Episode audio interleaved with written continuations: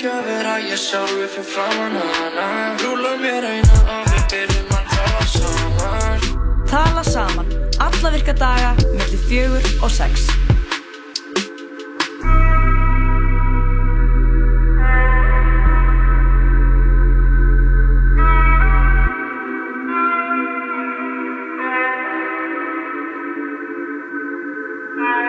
Sítið þátturinn tala saman sem er að hefjast á þessum uh, miðvikudagi Menninga miðvikudegi. menninga miðvikudagi klukkan er fjögur og við erum hérna Jóhann Kristófur og Lóa Björk með þér til klukkan 6 í dag, kæri hlustandi og uh, þátturinn í dag er ekki af síðri endanum Nei, heldur betur ekki maður. góða gesti, stjórnagesti og uh, okkar allra besta Birna Marja, MC Beba, kemur á eftir í þáttinn og verður með sérstætt innslag Kvikmyndainslag. Kvikmyndainslag. að sinni- Í menningarþemanu. menninga þeimanu Og jú, ein svona stærri menningar fígur á okkar samtíma, Jói.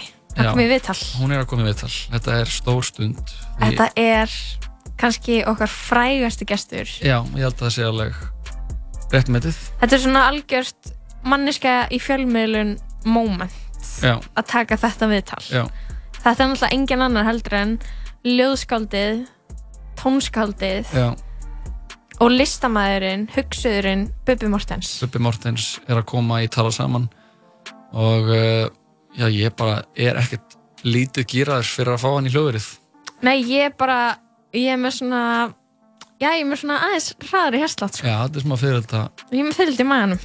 og svo ætlum við að fá uh, ætlum að fara fréttar af því að uh, Piers Brosnan uh, gamli bondinn og uh, leikarinn Hann er komið til Reykjavíkur. Geðþekti, já, hann er. Reykjavík og uh, Við náðum tali við sagt, uh, kontakt á Íslandi sem er í kontakti við Pírs og án jokes, það er fáránlegt að segja frá því en við erum með Bubba og Pírs Brosnan í viðtal á sama degi. já, Það er náttúrulega ruggla, þannig að hann er að fara að koma hérna, ef Guð lofar, mun hann koma hérna eftir upp á 5 og við ætlum að spyrja hann út í Bond, við ætlum að spyrja hann út í Mamma Mia, þennan kvikmyndaferil sem hann á að baki og líka bara skilur hvernig hún líst á Ísland. já, einmitt þetta er bara, Þetta er styrlað. þetta er gessamlega störla Já, og ég meina svo er fleira í fréttum, þannig að mö- m- lí- aukin virkni í heklu. Þú ætlum að ringi hana, hana Huldur Ós Helgadóttir, hún vinnur hjá veðurstofunni. já, spyrja hann út í uh, hvað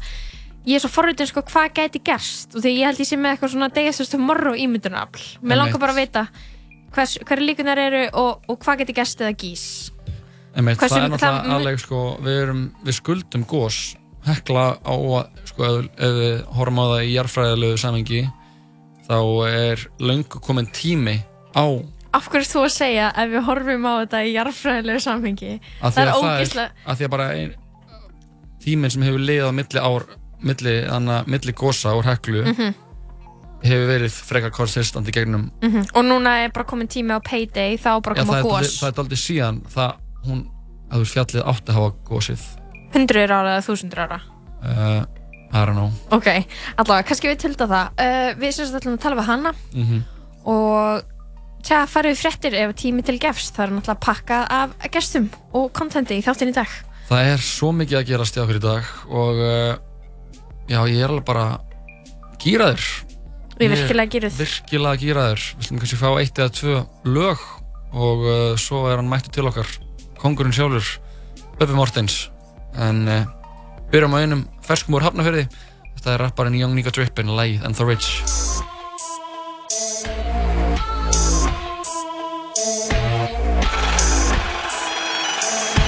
Bleachy on the beat. Shit, hvað þarftu? Hvað þarftu? Ha?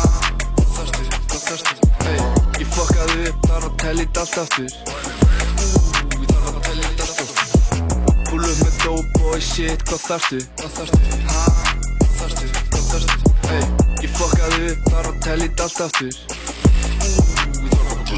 Ég fokkaði upp, þarf að tella í allt aftur Ég keinandi, já þetta bánsa tilbaka Og síðan fæ ég meira shit, meira shit Sjátt á þetta plökið mitt, sjátt á þetta sjálf á mig. Já, ég er ennþá rich, þetta sjá þetta shit. Gúlum með dope boy shit. Svo homie, hvað þarftu? Inn í húsi að tella, ég þarf að í allt aftur. Fokk og tólf voru að stoppa mig aftur svo aftur. Gúlum með dope boy bands, ég er aftur í aftur. Gúlum með dope boy shit, hvað þarftu? Hvað þarftu? Ha? Hvað þarftu? Jó, hey, ég fokkaði upp, þarf að tellja þetta allt aftur ég þarf að tellja þetta allt aftur upp með dope boy shit, hvað þarftu? Hvað þarftu? Ha? Hvað þarftu? Hvað þarftu? Hey, ég fokkaði upp, þarf að tellja þetta allt aftur ég þarf að tellja þetta allt aftur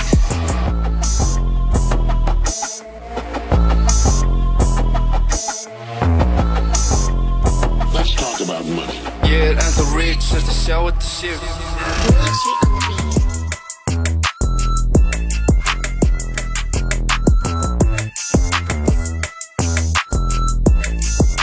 Young Nigga Drippin, lægið Ennþá Rich, producerað af Bleach.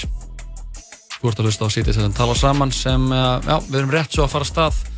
Eigum búin á góðum gestin í hljóðverði eftir örskama stund. Engin annar en Bubi Mortens, fáum eitt lagið viðbútt Þetta eru Young Thug og Gunna. Lægið Hot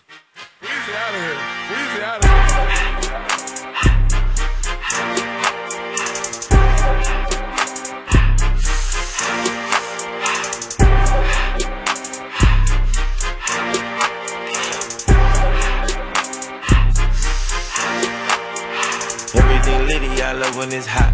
Turn to the city, I broke out the notch. Got some more millions, that keep me a knot. I created history, it made me a lot.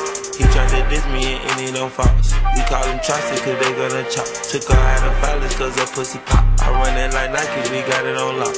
Cardiac, I'm the boss man in a suit with no tie. I can't be sober, I gotta stay high. Put me some syrup in the counter that's dry.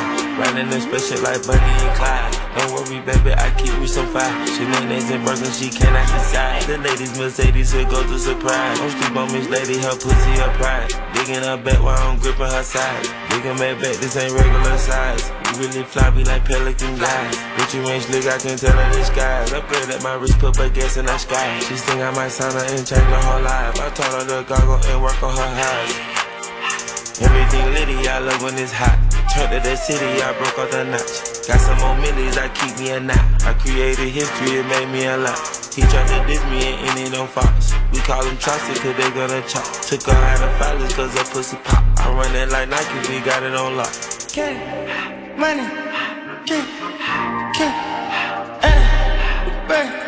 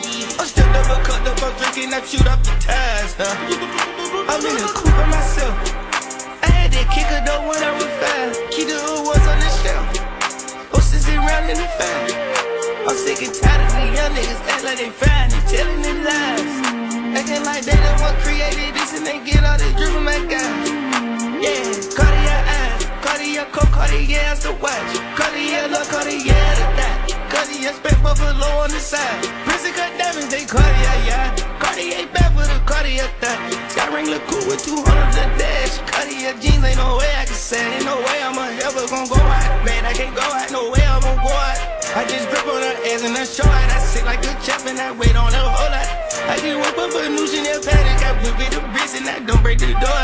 Turn the whole top floor to a whole house. Hundred racks and one, two bought the flood out.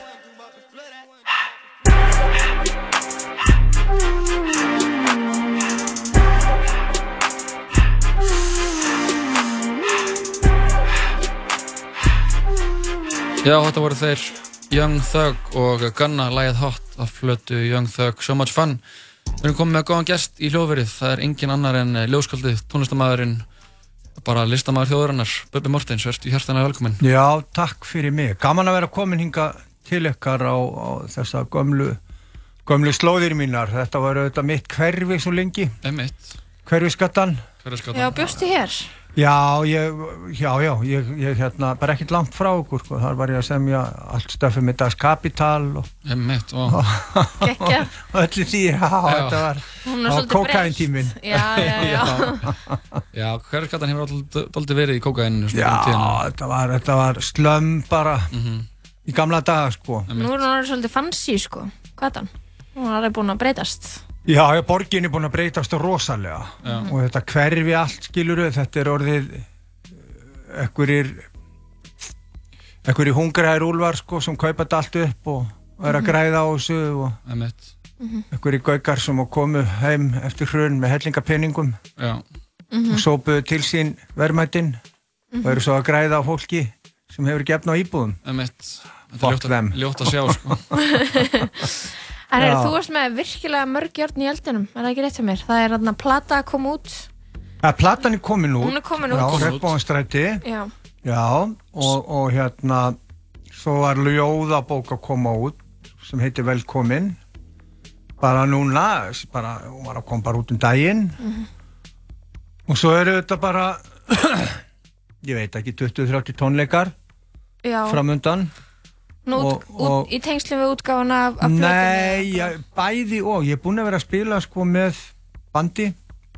Og hérna svo er ég sko ég, ég er búinn að ég er með sko ég á svo mikið efni þannig að, að svo pröfi keiri efnin og þá tek ég oft litla tónleika í kirkjum eða Mhm. félagsheimilum og spila ég 80% bara nýtt efni. Og þá veit ég hvað lifir og hvað ég ætla að gera því ég ætla að taka upp plötu eftir áramót. Og svo þetta er, er, er söngleikur að fara í gang sem er byggður á lífi mínu og tónlist Já, það er virkilega spennandi í borgarleikusinu. já, já, já, ég er mjög hrættur Er það? Já, það er bara Hvað, getur þú sagt okkur aðeins frá þessu, hvaðan kemur þessi hugmynd og, og, og hvernig erst þú svona involveraður í svona gerð söngleiksins? ég held mig frá þessu sko. ég sagði við Ólaf Egilson sem er að skrifa þetta Mhm.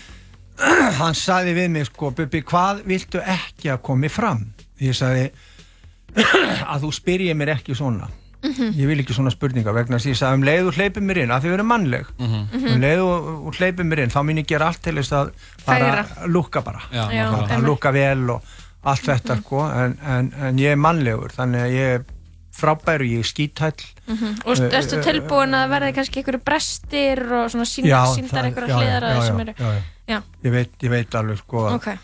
þetta er ekki þægilegt En þú stendur og stendur með þessu? Já, ég, sko, ég stýð ekkert inn, ég vil ekkert vita af þessu Nei. ég bara veit, sko, ég fæ að lesa sko, Mhm. en, en ég sagði við hann bara hafa það nógu seint sko Já. og í öðru lagi ef maður á að vera heiðalegur og úr því að maður stígur þetta skref að það er verið að gera verk byggt á æfiðinni og, og, Mhm. og, og, og, og tónlist Mhm. Þá er bara tvent í stöðinu sko, það er að láttu þetta vera. Láttu þá sem er að gera þetta bara gera það. Láttu Nákvæmlega. að fá þá upplýsingar sem þið þurfa og þeir og svo bara þekkja þeim og þeir eru búin að lesa þetta og, og allt þetta.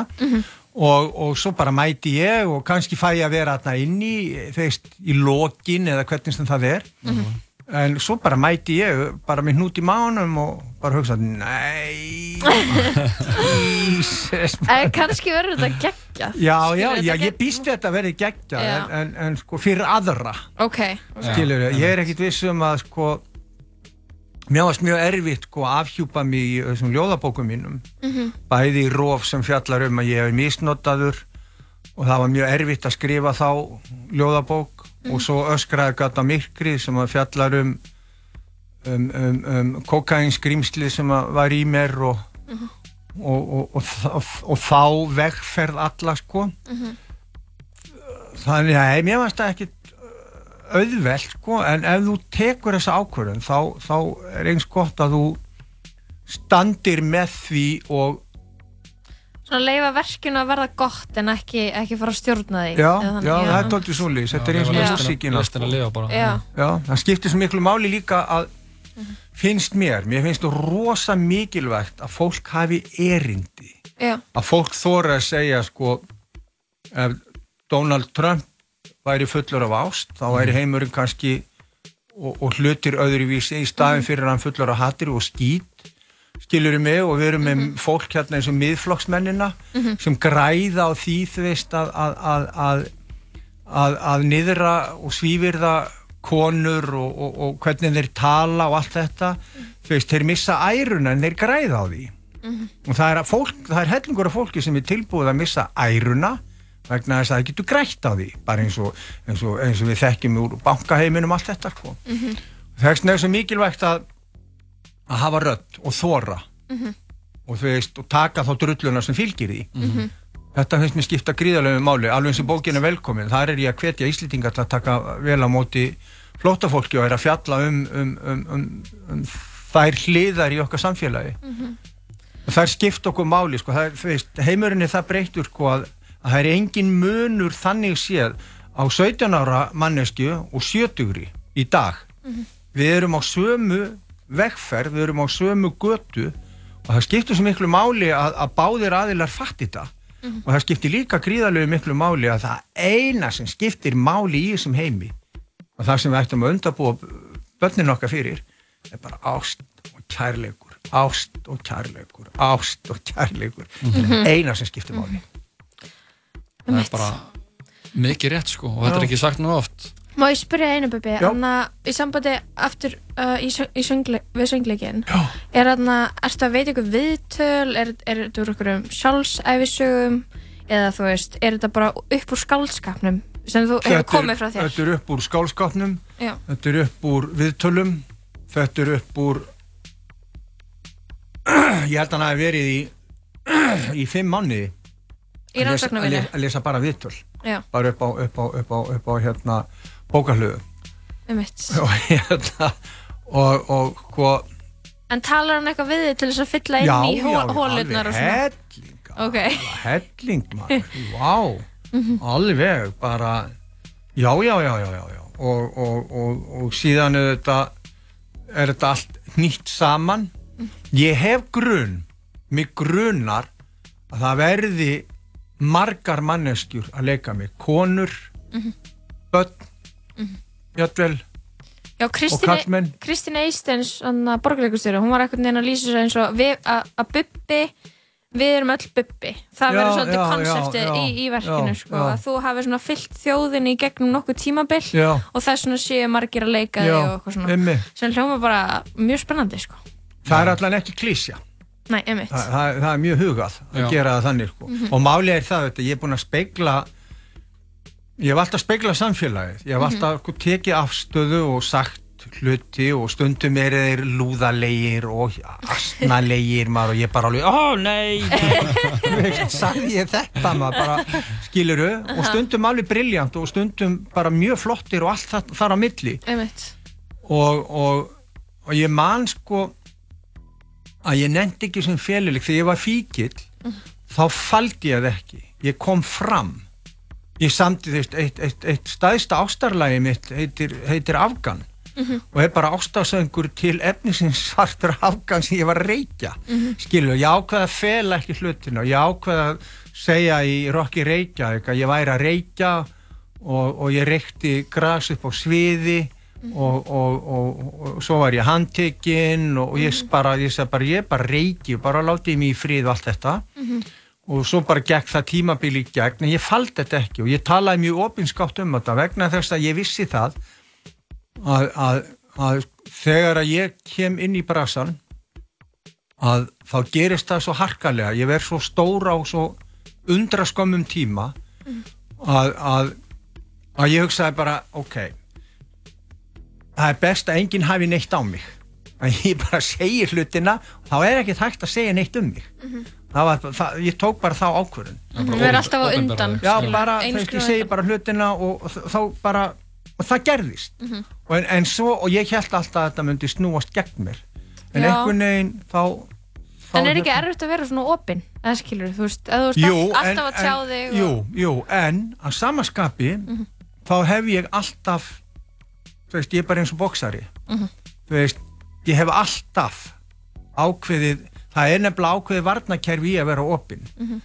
og, og það þekkja þeir sem eru trámaðir, það þekkja þeir sem eru fíklar að það er ákveðin vörn í því en ég hef líka alltaf, það eru ákveðin hlutir sem að ég algjörlega hef fyrir sjálfa mig Mm. ég tala mjög sjaldan um sköpunarferlin mín hvernig ég skapa ég segi bara ég vakna klukkan 5 á mótnana og ég vinn Mhm. og ég geri það alla daga og en, en ég er ekki að, og þar, þar er ég ég, er, ég tala ekki mikið um hvað ég geri með börnunum mínum Mhm. hvað ég geri með fjölskyldunum minni. Ég held mjög mikið fjölskyldunum minni fyrir utan allt. Þar á ég mér mjög stert atkvarf en ég er óhrættur að syngjum alla konurna sem ég sofi hjá og elska og allt það skilur um mig. Og, og það er bara inspiration. En það er ákveðin hlutir sem mér finnst skipta máli. Þá hef ég þá. En svo er ég bara, svo er ég það sem ég er og þegar að maður er orðin sáttur í einn skinni þá er mér svo drullu sama um hvað fólk finnst um mig. Það er bara það er, mér get ekki verið meiri sama. Nei. Ég held að við þurfum að hlusta þetta lag. Já, Ef við ekki bara að tjekka á, á Regnbóðan stræti. Jú, við gerum það. Spilum það.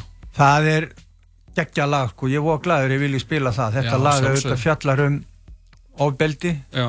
Þetta fjallar um sársöka, kærleika Mhm. og líka það að vera heiðarlegur og, og vegna þess að hvað skiptir kannski mest máli fyrir mig í mínu lífi þá skiptir kannski mest máli að ég er að komast á þann stað með þerapistanum mínum Mikilvægt, notabene, sko, mikilvægt. Notabene, já, að, að ég er að veit hver ég er Mhm.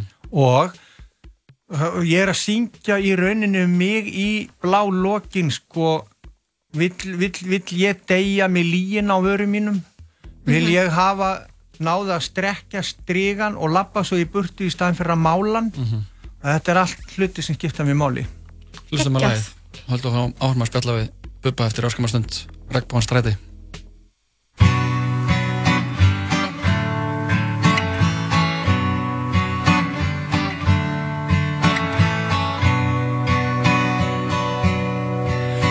Það er sannleikur í lífinu menn ljúa Frá æskunni á vængjum vonar fljúa Það er í eðli sem rá ístu brúna standa. Fyrst þá sem þeim finnist þeir anda. Gefast aldrei upp þó óttinn þeim mæti. Í hlýðar götum frá regnbogan stræti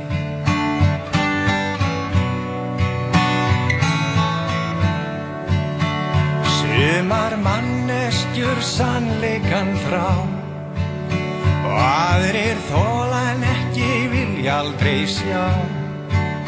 Sumir erfa áfall forfæðra sinna. Eðan aðrir hamingju í hjarta finna Sagt er að sáttin öllum mönnum mæti. Að morgni dags á regnbogan stræti.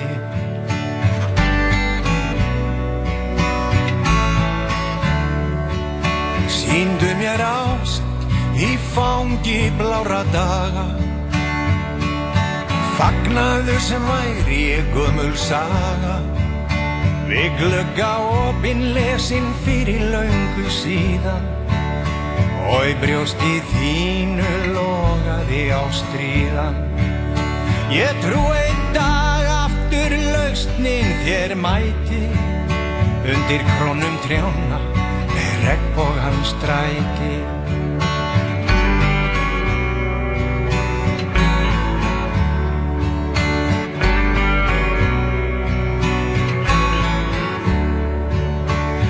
saknar eldsins á einhvert skrítin máta. Augu þín brosa en hjartað er að gráta. Þó svo lífið faldi leyndarmál þín. Og öskur sásaukans í hlustum ykkar hvín. Veit ég að réttlætið mun stíga niður fæti og tala máli þín á regnbogan stræti.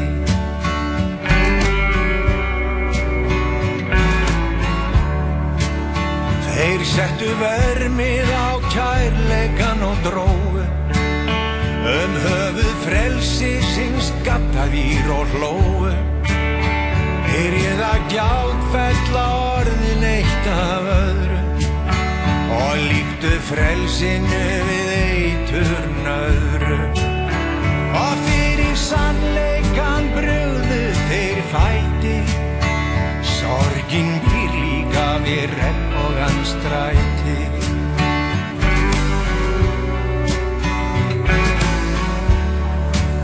Stanslaust hungur áfram veginn okkur ekur Rútínu þjáning þreytt tauga kerfið skekur. Og við þráum ástin sé eina varðan. Þó flestir berja höfuð sitt við steinin harðan. Fyrir þá þjáðu verður alltaf löst sæti. Ef leið þeirra líkur á regnbógan stræti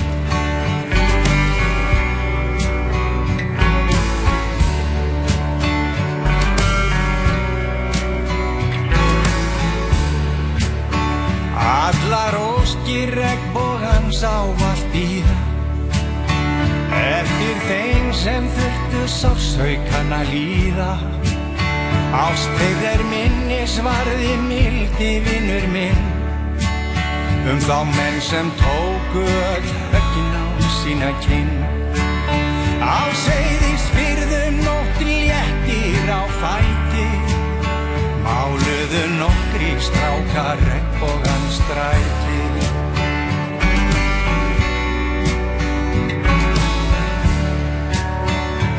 Og við fæðumst, verðum gömul og við förum. Verða ennþá sögð orð á köldum vörum. Verður okkar hinsti förunautur líin Verður hann ómálaður en þá strektur stríin Það er sagt í hinsta andvarpinu mæti. Þó sjálfum þér á regnbógan stræti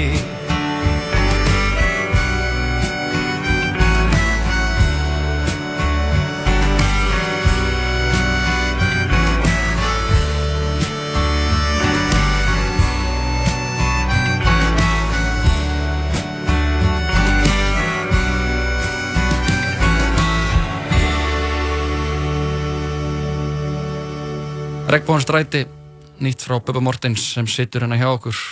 Kongurinn er í hljóðverinu. Bubbi, takk fyrir þetta. Já, bara takk fyrir að spila, geggjað Okkar er ánægjan. Sannlega. Að fara yfir, það er nóg á dagskrá, það er söngleikur, það er ný plata, það er ljóðabók, Já, tónleikar tónleikar. og vera pappi, góðu pappi Já, Það er náttúrulega rosa mikilvægt. Það er mikilvægast Já, þarna, það er alveg satt. Þarna er eitthvað svona spennandi, svona, eitthvað spennandi samstarf framöndan sem þú spenntu fyrir, eitthvað listamenn sem þú veist að fara að vinna með, sem þú getur sagt frá. fara, Já, ég bara Ég er að fara að vinna mig upp að íslenska listamanninu mínum, hann er kallað Rauður Ok, geggjað. Og hvað eru þið að fara að gera saman? Við ætlum að búa til lag saman Geggjað. Já, hann er geggjaður Hann Mér er finnst hann geggjaður. algjörlega geggjaður já. Og eru þið búin að hittast oft eða er Nei, þetta nei, komið nei, við erum bara, við búin að bara ákveða þetta? já, við erum búin að ákveða þetta sko Ok. og, og, og, og byrjum í næstu viku Hann er auðvitað bara þú veist, þegar ég heyrði hann Mhm. þá hringdi ég í umbásmannum og sagði, veist, ég er búin að heyri náunga sem minni mig alveg ógeðslega mikið á mig og ég veit ekki hvað það er Aha.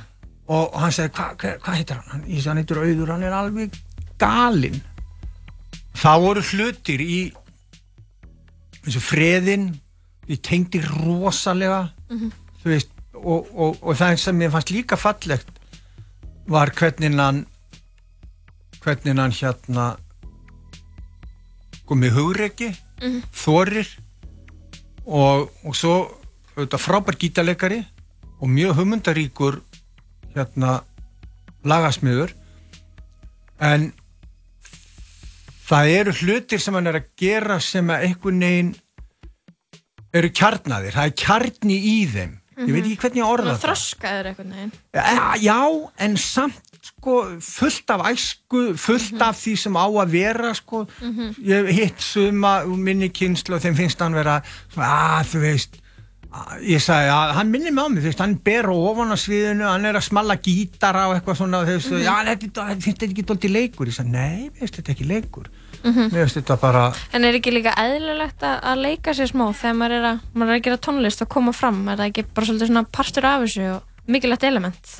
Ég held bara sko að, að þú leifir bara flæðinu Já, flæðið bara. að að- að flæði tekur þið sko mm skiluru ég, veist, þegar ég hugsa tilbaka sko þegar uh, ég var að hérna á pönkarónum þá var ég svo freðinn, ég var svo dópaður og, og, og en, en ég vissi bara eitt sko. ég vissi bara það. Þú þurft, að vera í leðri.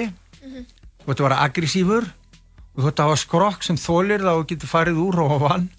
Og, hérna, og ég hugsa bara Iggy Pop þú veist ég var búin að hlusta Iggy Pop í mörg ár Jim Morrison, þetta voru tveir, tveir af mínum mönnum sko, ég hugsa mm svona ætla ég bara að vera, þetta er bara málið og Iggy Pop hann var stæltur ég bara ég er búin að vera, að æfa liftingar og keppa og allt þetta. Og Jim Morrison var mest í dóphausinn og ég var alveg þar, ég hugsa bara þetta er perfekt blanda.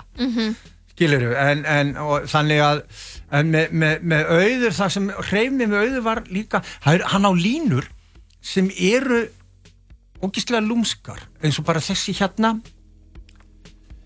Hún skilur bara eftir sig sko ilmatnið, þú veist, lyktina bara þessi mynd í hérna enginn eins og þú.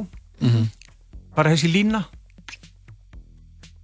Ég hugsa bara, ja, þetta er bara og það lag, eru þetta alveg geggja sko. það er upp að slæðið mitt, það er bara repeati hjá mér. Ég fæ ekki leið á því. Auður og, auður og GTR en það ekki? Nei, bara Nei. auður. Já, Bara Auður. já, og, og, og þetta er svona Armengu. sólskotið veistu, sömplu tromma þú veist, ég heyri það strax en, en, en allt virkaði og, og hérna og litlu börni mín eru alveg að geggju það En hvernig Pabbi. finnst þér svona anna uh, rappið við erum að þróa þannig að búið að vera mikil gróska í rappinu og Já, það er náttúrulega- svona búið að slíta barnskonum og, og hérna og það er að verða það er að koma það er að koma hérna ný kynnslóð sem er sem er hérna með miklu með miklu skýrari sín einmitt, finnst mér, miklu Já. skýrari sín á það sem þau er að gera og hvað þau vilja með sitt form og sitt flæði. Mhm. áður fyrir var þetta bara svona auðgast sko, sagt bara skilbab, dúdlubín, dín, babal, dúd þú veist, þá bara, já, þetta er bara geggjað. Já, en nú er bara, er að koma er að koma hellingur af ungu fólki sem er, er með mjög skýra sín á hvað þau er að fara að gera, skilur við þannig að, að, að, að svo bara fara hinn í rapparinn bara í jólalögin og eitthvað svona sko og halda bara jólatónleika og, og, hérna, og hleypa unga fólkin að. Hlusta? Bubba eitthvað á rapp eða? Hlusta þú eitthvað á rapp Já, í hljefum já, er eitthvað íslensku sögur neglir í græðunar eða? 24 Þetta hlusta 24 7? Já, Ok, Vá, það er ekki leðalt að heyra það. Ánæði með því maður Þetta nýja, glæð nýja bara. já, já, já. Og, og hérna þannig að en, en svona já, mér finnst hann helvít flottur. Og svo sko þegar ég, ég man bara sko þegar ég heyrði í Ice Ice-T fyrst. Bara way, way back. Aha. bara, l- þú veist, í fornöldleiku við fyrir ykkur. En ég man bara veist að ég hugsa þetta það komið nýtt form í ljóðlistinni. Mhm. Snoopy Dogg sko, ég var að hlusta á hann. Og, og, og, og, og, og og hann hérna sem var drepin á, hérna, eftir tónleik, nei eftir bardaðan hjá Tyson, hann hérna Tupac, já, já, já, og það var líka hann var auðvitað sko hann var svo pólitískur, ég var svo hrifin af því sko, mammans var auðvitað í, í, í hreyfingu þar sem hann voru hún kemur út úr í rauninni sko, svörtu hleparðana Einmitt. hún er bara í rauninni og hann er alin upp í þessu hann er byltinga sinni. Já, já, það er málið. Og það var, voru svo uh, og, og, og þarna sko þarna var, voru menn með erindi. Þetta, voru, þetta voru ekki náangar bara að rappa um gulli sitt og, og, og titlingin og, og píkur og allt þetta þetta voru þetta menn sem að höfðu virkilega erindi. Voru með skoðun skoðun af því að hvernig hérna væri verið að trýta svarta samfélagi sitt voru að speikla það en voru líka með algjörlega á hreinu hvað er og hvernig þeir ætla að koma svo frá sér.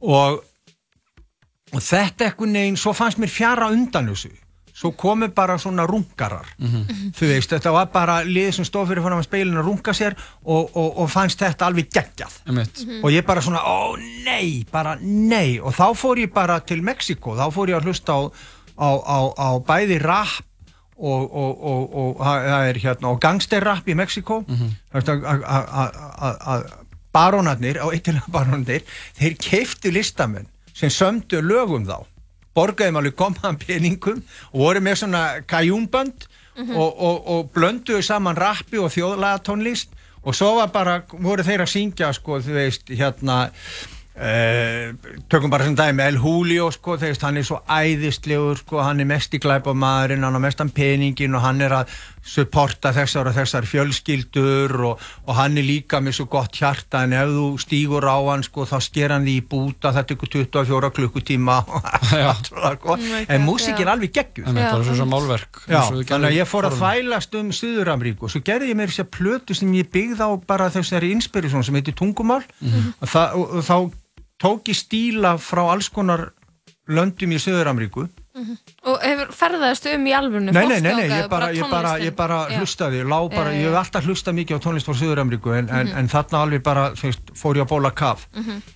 og síðan er, er, er, sko, er rosalega geggjaði hlutir að gerast í Afríku og Mali það er, þú veist, ótrúleg tónlist að koma þann og, og listamenn bæði sko sem syngja á ennsku og líka mm -hmm. bara á eigin tungu en það er ótrúlegi hluti þar sem þeir eru að blanda saman einhverjum vestrænum áhrifum og, og einhverjum forn afrikanskum áhrifum mm -hmm. og svo er þetta bara lupa, þeir bara vampa á einhverjum, einhverjum tón og, og en er algjörlega bara dáleiðandi flott sko -hmm. Þú veist mikið að hlusta þetta þessi dana ég, bæði og. Ég er svona ég, veist, ég, ég bara ég fer bara.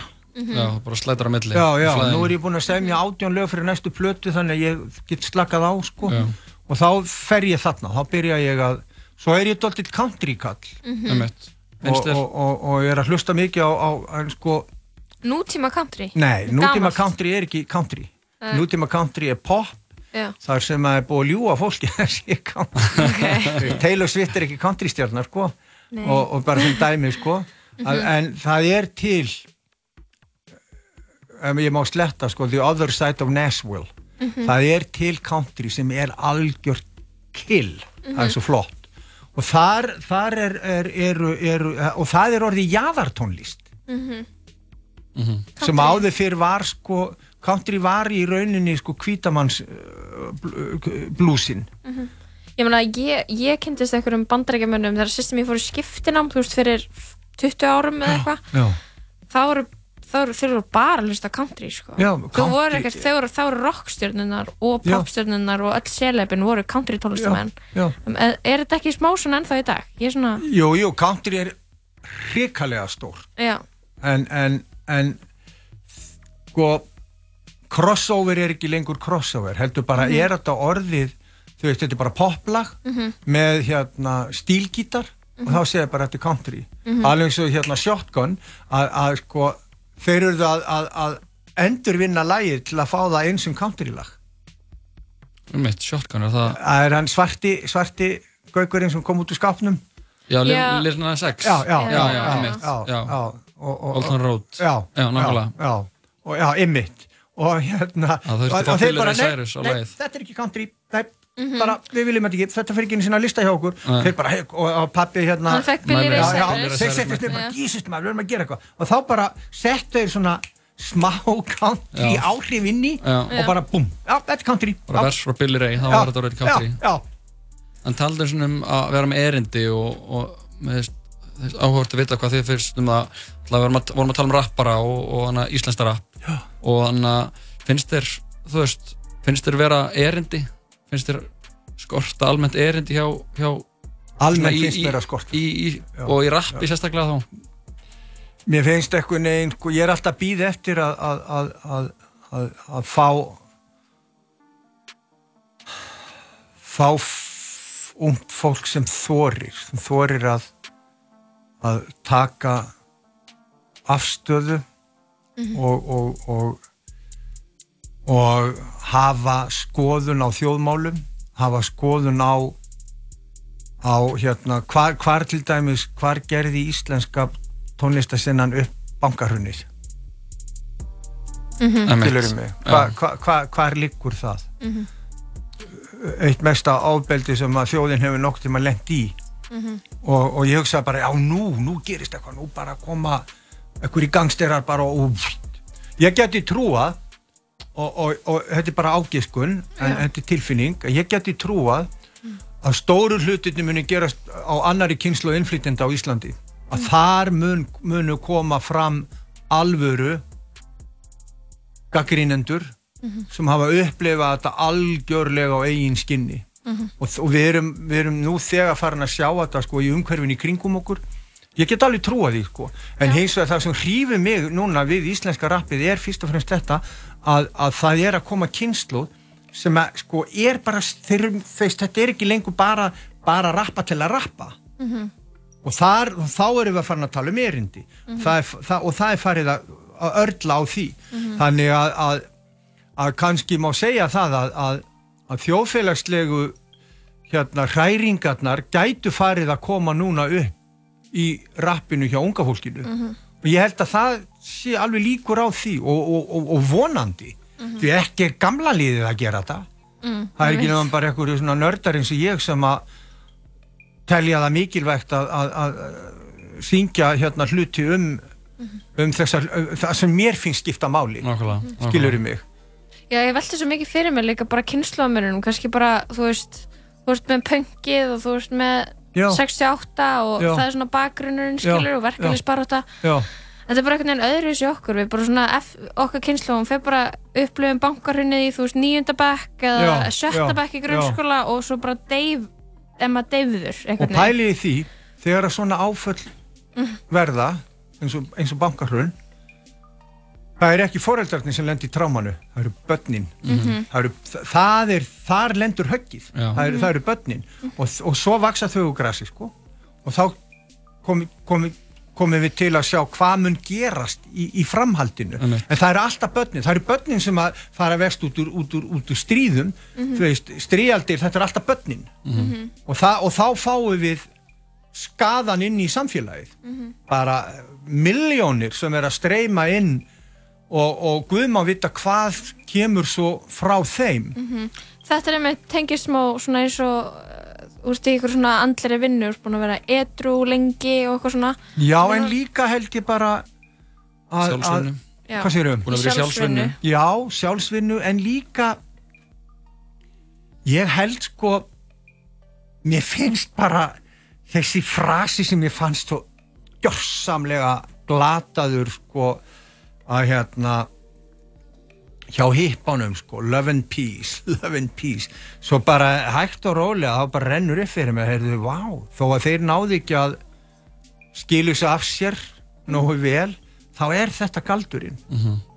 Og, þe- og þegar maður fattar það sko, þegar maður hættir að dæma ég var rosalega dómar og, og, og ég, var, og ég óði í fólk sko, þegar ég var upp á sviði og eitthvað sem sagði eitthvað við mig og ég bara stökka sviðin og slóa niður.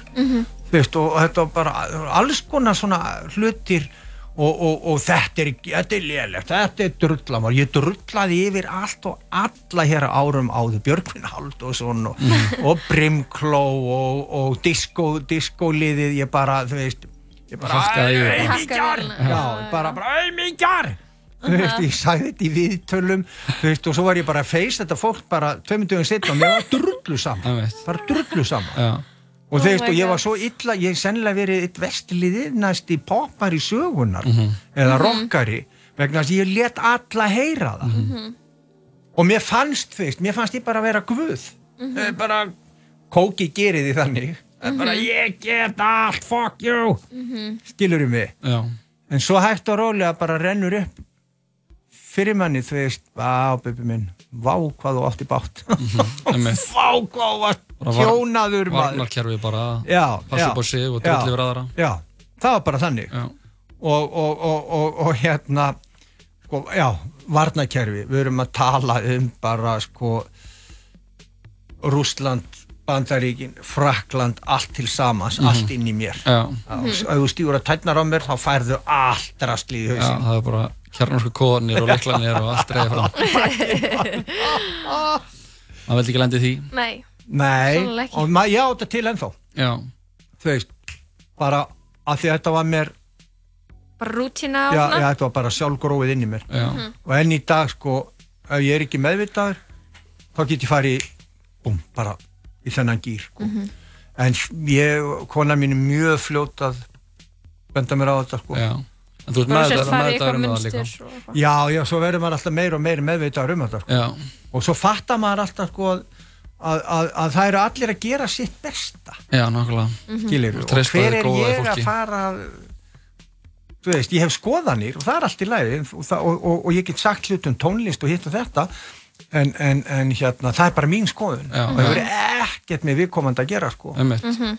smekkur og persónlegi preferensar og eitthvað já, Bara þannig? já, það er bara svo liðis þannig að, en, en aðalmáli finnst mér vera hins vegar það að ég er bara þetta gammaldags ég finnst að menni að hafa erindi Já. Mér finnst það bara að vera frábær loka orð. já, erindi Erindi. það var eindislegt að fá þau bubbi og Já. bara til að hafa mikið með plötuna, ljóðbókina og hlökkum til að sjá söngleikin Já, í takk fyrir að hafa mig og, og, og sína mér þennan kærleika Þú ert bara alltaf velkomin hingað. í Já, nú veit ég það, þú segðu þetta ekki, ég var eftir að líma máli Við skulum alveg taka mótið þér hérna aftur. uh, mér finnst bara viðenda að við endum að hlusta á uh, uppáhalds rappar hans Bubba 24 og 7. Já, geggjað Það ekki? Jú, Og uh, já, þakka hann aftur kærlega fyrir komuna og njóttu dagsins, það sem eftir er já, takk fyrir það, sem fyrstina. Þetta er lagið Nenni ekki með uh, 24 og 7 af plötunni FM 24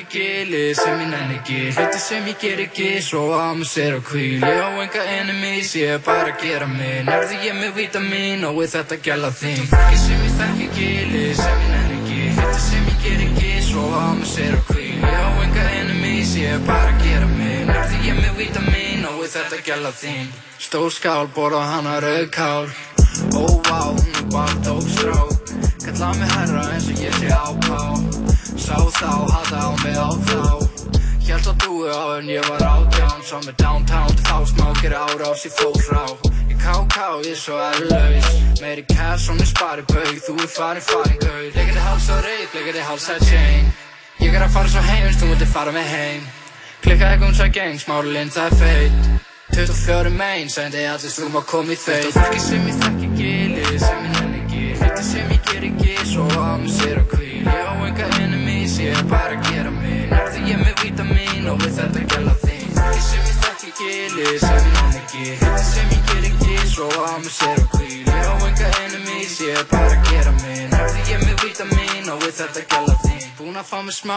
ég sé drauga út úr gangi á. Reyna að fara langt, þessi strákar bara hangsa Ég vil bara banka, sögva mjúka, ég með bánsa Langa leið frá botninum, fer aldrei aftur þanga Fara miklu harðar, þess að fyrir ég er almar. Búin að gera þetta, engin líf, spurðum hafa Eldingar í bílnum upp í körfinu að saka. Sendingar í símum, hata það svo ég fer harða Sveifla elda, sveifla upp og borðið sjá mig dansa. Sporta kvissum pakkan, hoppa út í makki skefing, já. Makki miss með diskin, krummi mínus, vanta pening, já. Vanta pening, já, vanta, vanta pening, já. Fullt af fólki sem ég þekki gili, sem ég nenni ekki. Hluti sem ég ger ekki, svo á mig sér og kvíl Ég á enga enemies, ég er bara að gera mig Nærði ég með vítamin og við þetta gæla þín. Fólki sem ég þekki gili, sem ég nenni ekki. Hluti sem ég ger ekki, svo á mig sér og kvíl Ég á enga enemies, ég er bara að gera mig Nærði ég með vítamin og við þetta gæla þín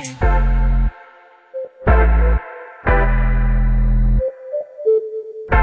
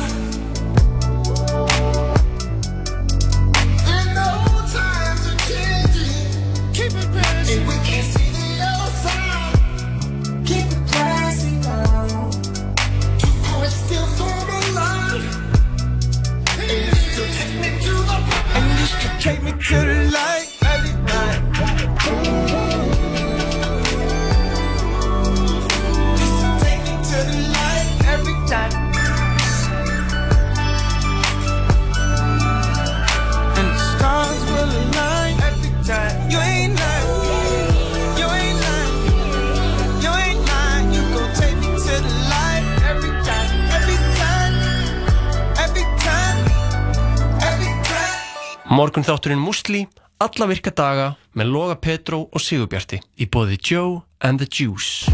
Fylgstu með þeim bestu takast á í Dominós deildinni. Við stöndum vaktina í allan vetur. Vertu með Dominós. Framlag Íslands til kvikmyndavæluna Norðurlandaræðus. Hvítur hvítur dagur. Komin í bíó. Hamborgarabúla Tómasar, Ísland, Ísland, áfram Ísland. Hamborgarabúla Tómasar. Nings, nings, nings. Kíktu við. Nings. Þú ert að hlusta á Útvarp 101. Útvarp 101. FM 94.1 Í bytni úr miðbæ Reykjavíkur Jú, sittist átturinn tala saman en heldur þér áfram á þessum uh, frábæra miðugudegi vorum að klára að hlusta á tvö lög Læði nenni ekki með 24-7 og Take Me to the Light á samt Francis and the Light, Bon Iver og Kanye West Já, og við vorum að hvaðja hann Bubba. Hvað er það Bubba Mortens, kongin? Ah, þetta var svo gott spjall maður. Það var svo gott að þetta er nú svona gott spjall Það var með eins og að fara í sund, sko án jokes. Þetta, stundum þá tekur maður bara eitthvað svona spjall og trúnó og maður er bara svona eins og maður hefði farið í hugleislu eftir það. Já, Og því að þetta var geggjað. geggjað og það fer eitt B úr stúdíónu og kemur annað inn í staðinn. Já, Það er og- engin annar en Birna Maria Og lítið A kannski líka og eitt lítið þarna Babba? Nei, byrju U út. Og I Bubbi og inn er Bibbu. Nei, já, U Babba. út og, og A inn. Já. og, Já, já, litla B bara, það Litla er bara hannig Stóri B er farinn Bubbi, og, Bibba skiptum bara auðunum og og að yðunum segja þetta gett oft og sjá hvað gerist Velkomin Bubba Já, Hvað segirðu? takk. Uh, ég er bara mjög, mjög hress. Ég er hérna, svo forveitin, hvað hva er Bubbi að gera sem við hinn erum ekki að gera? Uh, hann er bara Eh, boksa. Hann er að boksa Hann er, með Hann er. Hann er á þerapista. Já, hann er á þerapista Hann er að sippa 10.000 sinnum á viku Já, í 10.000 alvörunni, hann, er bara, hann sagði líka bara að ég gerir þetta enginn fyrir þig sko. Nei, mitt. hann, er, hann vill bara vera í topp formi og hann er bara taking care of that Mhm. Og var, var, er ykkur ástæð fyrir þannig að sippa það? já, til þess að bara halda sig við Já. vera, vera, vera heilbröður og syngja og geta sungið á sviði og svona og svo náttúrulega, já, Bubbi er náttúrulega þú veist, það er verið að fara að gera söngleikum hann Einmitt.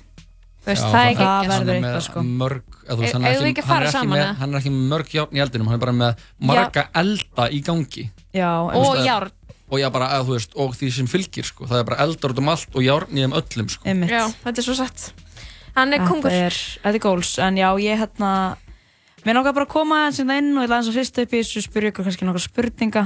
já, Uh, Eh, menningarmiðvikudagur. þetta flókið, þetta er, þetta er mjög, já, þetta er menningarmiðvikudagur hjá okkur, mjög menningarlegar spurningar sem við erum með hérna og uh, svo, uh, já, þannig að það er bara spurning hvort þið séu tilbúin. við erum uh, ég er tilbúin já, sko við erum alveg bara heldur betur tilbúin já. já. Einmitt. Ok, ég ætla bara að byrja á einni lauflettri, hérna, hver er versta íslenska kvikmynd sem hefur verið gerð og af hverju? já.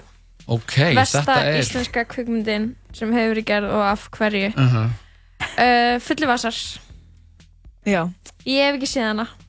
Það banna Ég að segja mynd sem maður hefur ekki séð. Ég hef ekki séð alla bíómyndir sko Nei, Nei. versta, versta íslenska mynd sem þú séð finnst mér að þurfa að Ok, vera ok. Já, já, já. Ok um, Sko, anna En En ef hún er bara kannski alveg kannski vel gerð en leðileg Já, bara versta mynd. Já, þú mátt alveg segja Hvað það finnst Og þér? hverju? Finnst þér þetta eigi að vera eitthvað svona út af því að þá það er svo auðvelt að segja Af því að já, það er setja erfitt að eitthvað svona segja- indie mynd á að versta út af því að kannski er hún ekki up to a standard skilur Mhm. en svo er kannski eitthvað bara gæðið vel pródúsör en bara úst, frekar leðileg skilur Einmitt. Það má alveg, mér finnst það bara hana, það er valið Já, við erum að skilja þetta þannig já Mhm. uh, Ég get alveg fullist að held ég leiðilegasta íslenska mynd sem ég séð hafi verið Borgríki 2 Já, Ok. af hverju var það? uh, bara eitthvað svona að geða mikið svona löggudót eitthvað og eitthvað svona að geða íslenskt eitthvað löggudót og þannig að mér var svona bara svona þannig að mér var svona bara einhvern veginn ekki mér var svona verið svo kl- trailer bara all, allan tíman Einmitt. og mér var svona einhvern veginn ekkert ekkert fest í gangi og ekkert Mhm. spennandi og einhvern veginn ekkert mér finnst einhvern veginn svona að gera íslenska mynd um löggun að vera bara svo sko skríti representation af því að Löggan er ekkert eitthvað, að flestra af löggunni er ekkert eitthvað að löggan sé svo miklar hetjur eitthvað. Neða, er ekkert mikið aksjón í gangi, sko. Nei, þú veist, það eru bara, eru bara eitthvað svona að, handtaka eitthvað lið sem er ekki að gras og eitthvað. Og mm þú veist, er að fylgja anna, einhverjum börnum úr landi þú veist, mér finnst þetta bara að vera er eitthvað svona, að gera eitthvað svona hasar. Ég, ég skil sko að gera svona mannlega mynd um lögguna eins og bara eitthvað ófærðir þetta er svona Mhm. Fólk sem er bara mann, mennst og gerir mistók og eitthvað svona en að gera eitthvað svona hetjumynd, eitthvað actionmynd um fólk í íslensku sérsveitinni og eitthvað löggudót, mér finnst það bara svona mér finnst það bara að vera off Einmitt. Ok, góð rauk. Þarna er komið Borgríki 2. Uh, sko, það er ekki rétt svar. það er ekki rétt svar Nei, ok. það er ekki rétt svar. ok, ok, sko má ég bara fokka þessari spurningu upp Já. og má ég bara segja Gæti alveg verið að sérst að hugsa sama og ég nefnilega, sko. versta íslenska kvikmyndin er, er rauninni konsept hún er Mm. vibe, hún Mhm. er viðfangsefni hún er ekki til en hún er samt allar kvikmyndir sem hafa verið gerðar Einmitt. hún er um emdina hún er grátóna hún, það er lopi og það er blöytur lopi í henni það er þunglindi, það er alkoholismi og það er mikið af þögn. Það eru leiðileg lástand róleg tónlist og það er kreppa. Eit- eitthvað svona karlkins svona, eitthvað, svona kreppa. karlkins karakter er í kreppu. Mhm. andleiri kreppu. Hann er í krísu.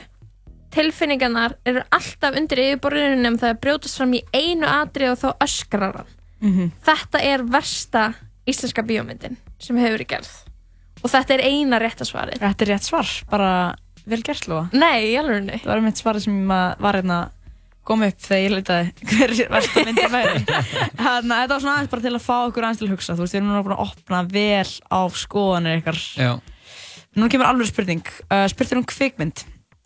Myndin kom út árið 2004 og í myndinni þá hitta nýpúsu brúðhjón, fóreldra brúðarinnar um, en brúðguminn hafði rauninni ekki hitt fóreldrarnar og mjög langt síðan hún hitt þau líka. Fóreldrarnir búa langt, langt í burtu. Þeim bregður þó svolítið. Þeir sjá dótturina, þeim bregður svolítið að því að hún hefur breyst í útliti. Hún er orðin bara allt önnur bara en hún var, bara í útliti. Uh, ok. Um, og þau reyna svona með alls konar hætti að breytin aftur. Hver er myndin? Er þetta íslensk Er þetta Jón Gnarr myndin? Nei, þetta er ekki íslensk mynd. Nei. Þetta er ekki íslensk mynd? Nei. Er þetta My Big Fat Greek Wedding? Nei, því miður. Þetta er... Um, Nei, beti, má ég ég ekki ekki að segja svarið, sko. Bara fóreldrarinn búa langt, langt í burtu. Og þetta búið sér einhvers Þau staðar búið í Asíu sem sagt. eða búið í Gain eða þú veist, er einhvers staðar annar Já! Er þetta Coneheads? Nei. Þetta er hún frá hérna- 2004? 2004 já. 2004, Ok, það er ekki sko, Coneheads. það er hérna reyndar kannski ekkert endilega að maður muni hvað hva árið sem mynd kom út, sko. Það er aðalega að tengja þetta við, þú veist, langt, langt í burtu, hún breytist í útliti. Ekki geimurinn, ok, fór Þetta hún í er kynskipta aðgerð? Shrek. Já.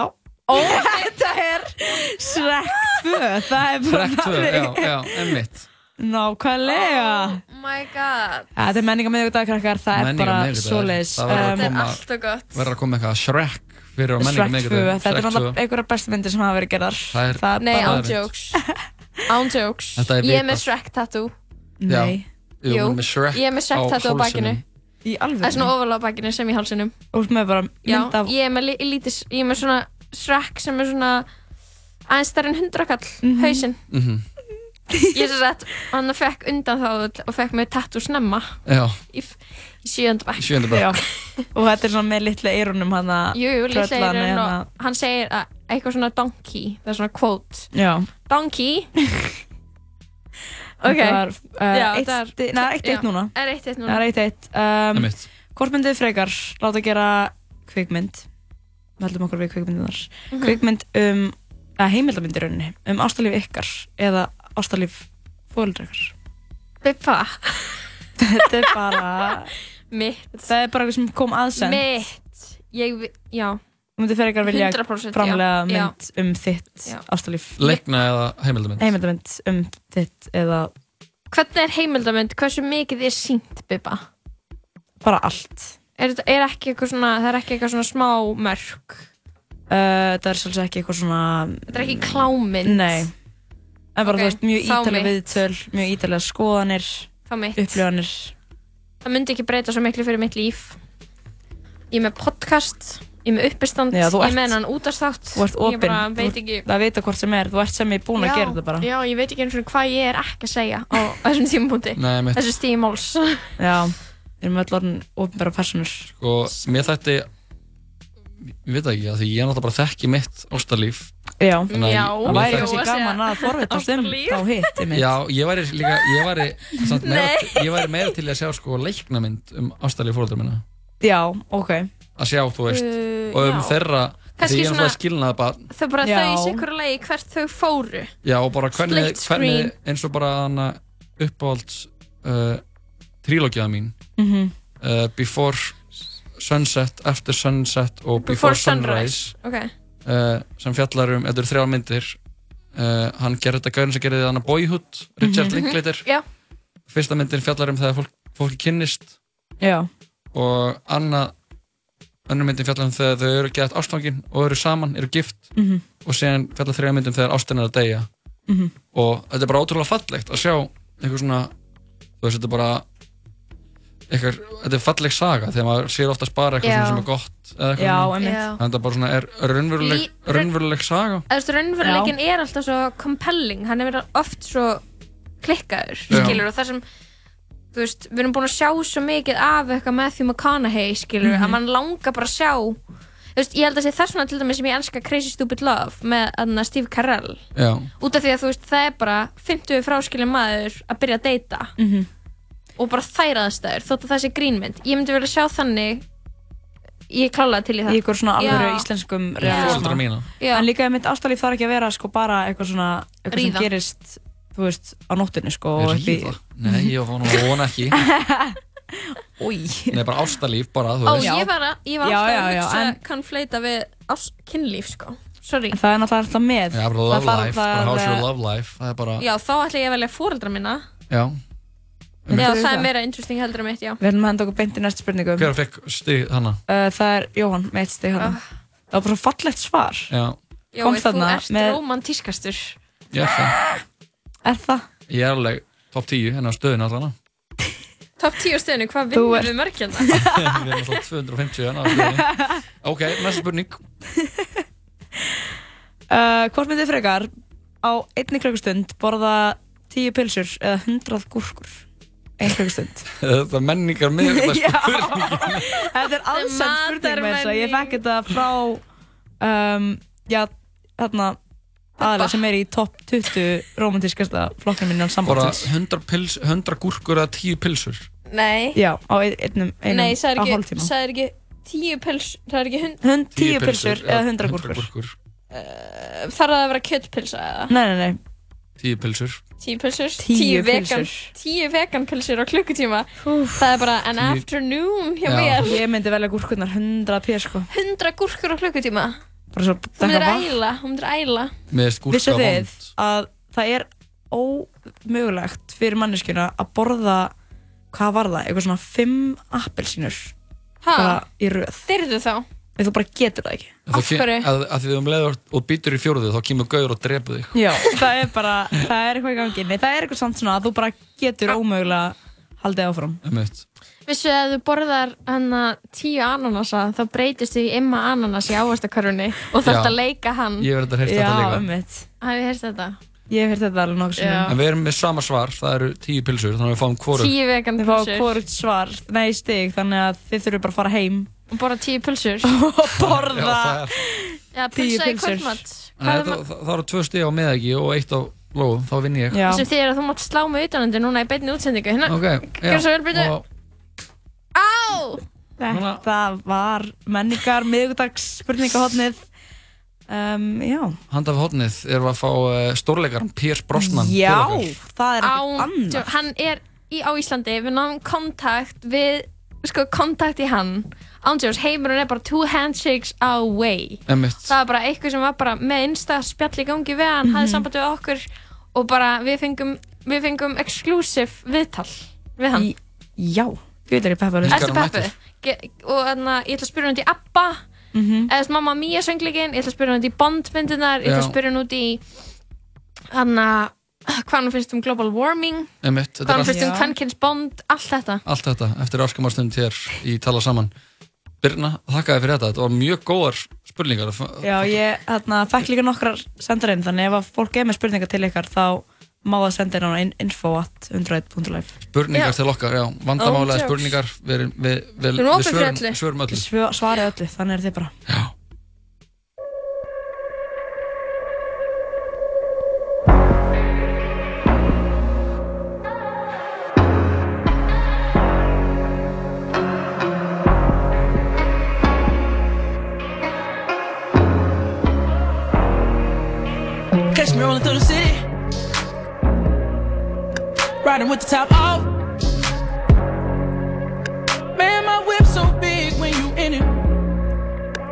Around and get lost. Tell my bitch to let her head down. What the shit cost? Tell me, baby, if you found that life right now. Hope it ain't sour. No. I could put you in the High Club. What's up? Let's take a trip. Have you ever read the world On a blimp. Tell her be free, baby, spread your wings. Get your legs in the sky like a plane. Let me guide that. I'm the pilot. Can't nobody see you 30,000 feet on your knees. And the products make the freaky shit come up out her. Get high, baby, roll one. Cloud nine, about to go up. Loving the feeling, the turbulence, get when we turn up. When we land, we can roll out. Show you something you ain't know about. Tonight we be taking off like with the camera to show up. I got you in the air, your body in the air. How I feel up here. You can scream as loud as you want, loud as you can. Ain't nobody gon' hear. Would you like it better if I hit the West Coast? Tell me, tell Hope it ain't tall. I could put you in Mile High Club. What's up? Let's take a trip. Have you ever read the world is yours? On a blimp. Tell her be free, baby, spread your wings, get your legs in the sky like a plane, let me guide that, I'm the pilot. Can't nobody see you 30,000 feet on your knees in the products, make the freaky shit come up out her. Get high, baby, roll one. Cloud nine, about to go up. Loving the feeling, the turbulence, girl, when we turn up. When we land, we can roll out. Show you something you ain't know about. Cold world. Tonight we be taking off like with the camera to show out. I got it. Listen, you need a nigga that's gonna come over and dig you out. You need a nigga that you know is not gonna run his mouth. You need a nigga when he done probably gonna put you out. You need a nigga that's gonna put it in your mouth. Dick so big it's like a foot is in your mouth. And you ain't babysitting, but my kids all on your couch. And oh, you nasty. Oh, oh, you nasty. Both graduated, so fuck keeping it classy. Look, they love me in the shot like MJ. They love me in the shot like Oprah. No nigga can block, not even the Kimbe. Compare the cold where you're softer than the sofa. And so far, my new shit so far. Nigga, check my profile. Who you know make waves in a low tide? Debo, Joe, bitch, now she both five. Nigga, Lil Brown licking in my liver. Pretty brown thing in my bed. Been a long time since I had to ask for head, so goddamn don't make me big. But I will if I need to. Cause for real, girl, I need you. I can put you on a flight, we can take off the night. If you're scared of height, shit, I got a pill like a feed. Go. I could put you in a my high club. What's up? Let's take a trip. Have you ever read The World Is Yours? On a blimp. Já, þetta voru þeir uh, Jeremiah og J. Cole leið Planes af plötunni Late Nights The Album. Það er okkur sannur heiður að tilkynna næsta gest hér í Tala Saman. Eh, Það er engin annar en uh, alþjóðlega stórstyrnan, leikarin og uh, já, ákveðið íkon. Piers Brosnan er komin til okkar í hljóðverið. Ég ætla að skipta yfir á ennsku þar sem hann talar Am I doing this right here with the with the headphones? Yeah, Mr. Brosnan. Yes, please. Yeah, pl- you can put your headphones on and you can like speak this? into the mic. All right. We're so glad to Yeah. have you. Welcome. Yeah, to- well, thank you so much. You know, it's it's uh, genuinely a pleasure to be here. You know, I, I uh, just landed out, you know, yesterday morning, and I, I had my expectations of, of about about the country, about Iceland. You know, and uh, I must say, boy, were they met! Boy, were they met! All right. So you're pleased. You're pleased with what you're seeing here. I'm very pleased with, with, with what I've seen here. I'm so uh, uh, I'm, I'm I'm a big fan of the country. Mhm. You know, I've made a lot of movies uh, in my career, and uh, coming to Iceland is is like it's it's great. I, I of course have been here before. Yeah, you shot uh, what's in it? Uh, Die Another Day. Die Another Day, yeah, yeah, that's what right. What are your plans in Iceland? What are you doing here? Are you on vacation? How long are you going to stay here? No, no, no. We're actually shooting a new film. We're shooting a new film about the song contest of uh, Europe, Eurovision. It's called. Uh, the film, you know, I, I can't, you know, I can't talk too much about the plot of it, but uh, it's it's gonna be pretty exciting, you know. And uh, you know, it, it, it, we we get to see like like uh, many aspects of Eurovision, and I understand that that Iceland is a big Eurovision nation. Yes, we are a huge Eurovision nation. Yeah, yeah. We sent uh, a punk band last. Uh, Did you uh, get the to last see? competition. Did you get to see Hatari. them? The No, no, Hatari. I, I, I actually didn't get a, get a chance to see that. What, what, what, what, did, what did you say? Uh, Hatari, it's uh, it's a kind of a Hatari. Hatari, yeah, it's a kind of a punk, uh, you know, Yeah, hard metal. Hard metal. Um, and they had a dress lot of in, like, BDSM yeah, costumes. bondage. Oh, really? Inspired, yeah. Yeah. It was it was quite controversial, Yeah, actually. That sounds, that sounds like We that sounds we very thought interesting. yeah, we thought they were gonna win because here in Iceland uh, we always think Iceland is going to win. Oh, you do? Yeah, Yeah. yeah, it's kind Oh, of it's- uh, our thing. But can I ask you, uh, one of my favorite musicals is uh, the the Mamma Mia Oh, yeah. musical. Yeah. So can you tell me what was it like starring and uh, in in Mamma Mia and singing? Was it hard? And then I have to ask you about how it is uh, working with Meryl Streep. You know, Meryl. Streep is, is she's such a great woman. You know, I, I've uh, you know I, I actually met her met her uh, qu- quite a while back the first time. You know, we we met uh, we met actually actually met at a party when I was when I was a young actor. You know, coming up. And it was so fascinating to meet her, you know, because she was so lovely. She she talked to me instantly, you know, and, and we just, you know, we, we just seemed to, you know, you know, you know, we, we, we, we, we, got along together. You know, we got along quite well, and uh, you know, she's just, she's just such a great woman. She's a great actress. She's Mhm. very talented. You know, Yeah. I, I know all these things. It, it, it, it do- do- does- doesn't need need to say. We don't need to say them. Mr. About- Brosnan, I. I have to interrupt. Uh, uh, for our listeners, I want to uh, reintroduce that uh, we have the world famous actor Pierce Brosnan uh, in the studio. Uh, and Mr. Uh, it's my pleasure. Mr. Brosnan, I wanted uh, to ask you your accent. It's a bit uh, American. I thought you were uh, Yeah, I thought British. you were Yes, the American. UK. Yeah, yeah. I'm, I'm actually British, from no? the UK. I'm, I'm from Ireland. I'm American Irish, as they would call it.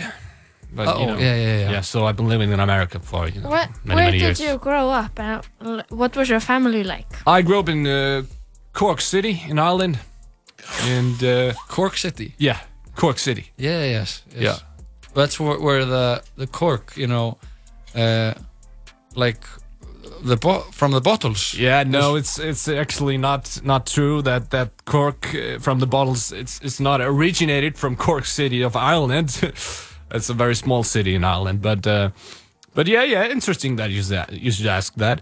But no, I'm from Cork City, uh, uh, and uh, yeah, I was born and raised. But um, you know, my my family always uh, was always going to America, you know, and and uh, I spent a lot of time as a child in West Virginia as well. Mm-hmm. Can I ask you, uh, Pierce, um, what do you think about the new Bond being a woman? Then yeah, the new James Bond being a woman. Oh yeah, yeah, yeah.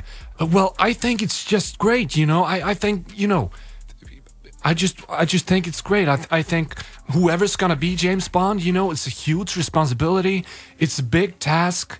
It's it it, it takes a lot of commitment. You know, and and I think you know handing it out to a woman is just great. I think it's fantastic. You know, because you have to put a lot of energy if you're gonna play James Bond. Mhm. It's not something that anybody can do, and you know, to, to, to have a woman do it. I mean, if it if it's something that suits the producers, the director, you know, etc. I think it's a great great step in, in a very very interesting direction. Did you, um, so like a large large portion of your life, you were James Bond? Yeah, sure. Do you still like to play him?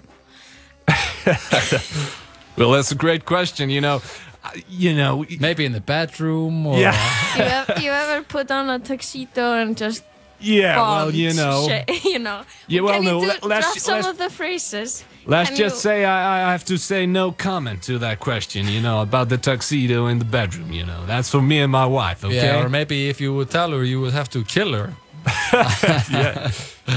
yeah, yeah, that's well, that's true. But you know, I I, I don't prefer to comment on uh, my my bedroom experience with my wife, you know. But you know, it's a funny question, so. Uh, I was wondering, uh, since you were uh, start in the in the Mamma Mia musical, Yeah. if you would uh, maybe like to uh, sing a song from the musical. Oh, we yeah, have, yeah, we yeah. have, Yes, please. we have uh, be- the soundtrack here. Is there a, a lovely. song of your preference? Uh, yeah, I would I would really like to sing uh, uh, the duet I did with Meryl Streep. It would be really really nice to do that. Yeah, that. wa- Did uh, you find it there? It, it would help actually if you could play a little bit from it, you know. Yeah, the SOS one. Yeah, the SOS, Yes, I'll just play it with uh, the song under it, and you can uh, perform over it. Isn't that sounds? That's quite This, all right I can't believe it's happening. I'm, I'm very honored.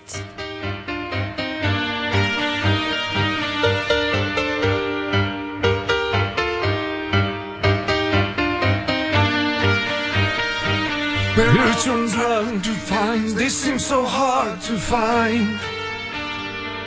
I try to breathe some rain, but you won't close your eyes.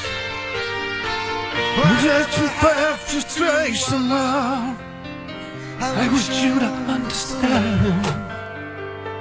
It used to trace some lies, it used to trace my hand.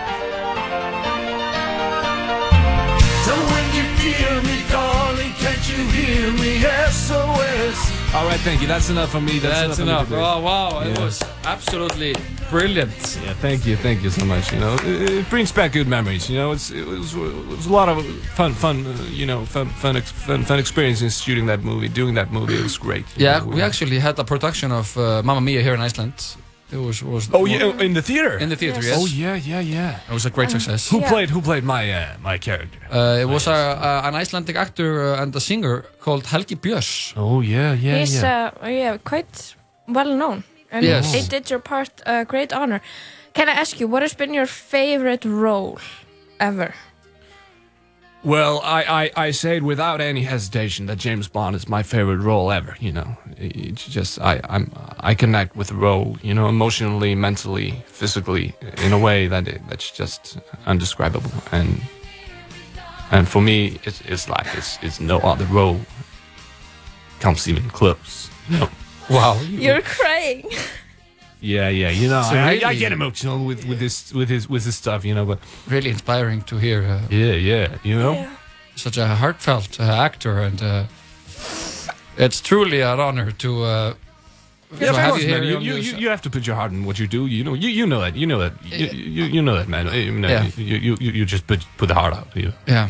yeah, it's been an honor been, to uh, have truly you. an honor. Yeah. Well, thank you sh- for showing me this this very cool new radio station. You you uh, you know obviously uh, have all- everything really well set up here. It's it's lovely uh, it's a lovely place to be.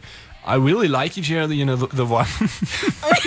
the wife is good. You know I'm, The I'm, wife, I'm laughing because it's it's it's fun. Yeah, Yeah. yeah, yeah, it's it's been an honor, Pierce, and uh, Um, Good luck shooting the film. Uh, I really hope you enjoy Iceland. I, I hope you get some good food and you can go to the swimming pool. Yeah, yeah, definitely. And uh, James Bond here in the studio of 108. I mean, wow. We couldn't really ask for more. No, we couldn't. And uh, yes, so we say goodbye to you, Pierce. Thank you so much, guys. It's a pleasure. It was a ple uh, the pleasure was all ours. Yeah, it's all ours. Uh, við kvæðum Pér Brosnan og fáum minna Já. eitt eitt snögt lag, þetta er Rapparinn Future, lagið Mask Off. Call it how it is. Hendrix. I promise you, swear, I swear. On every bit. Yo, Percocet, Miley Percocet, Percocet, Miley Percocet, rep the set, gotta rep the set, chase a chick, never chase a bitch, chase no bitch, mask on, fuck it, mask on, mask on, fuck it, mask on, Percocet, Miley Percocet, chase a chick, never chase a bitch, chase no bitch, two cups, toast her with the game, from food stamps to a whole nother domain, out the bottle, I'm a living proof, super, ain't compromising, half a million on the coupe, gang, gang, drug houses, looking like Peru, whoa, whoa, whoa, graduated, I was overdue, I'm a do, pink Miley, I can barely move, ask about me, I'm gon' bust a move, yeah, Red James, 33 chains, 33. Ocean now, cruising Biscayne, hit fire, top off, yeah, that's a liability, hit the gas, my adrenaline, big fire, Percocet, yeah, Miley Percocet, big fire, Percocet, yeah, Miley Percocet, big fire, rep the set, yeah, gotta rep the set, gang, gang, chase a chick, yeah, never chase a bitch,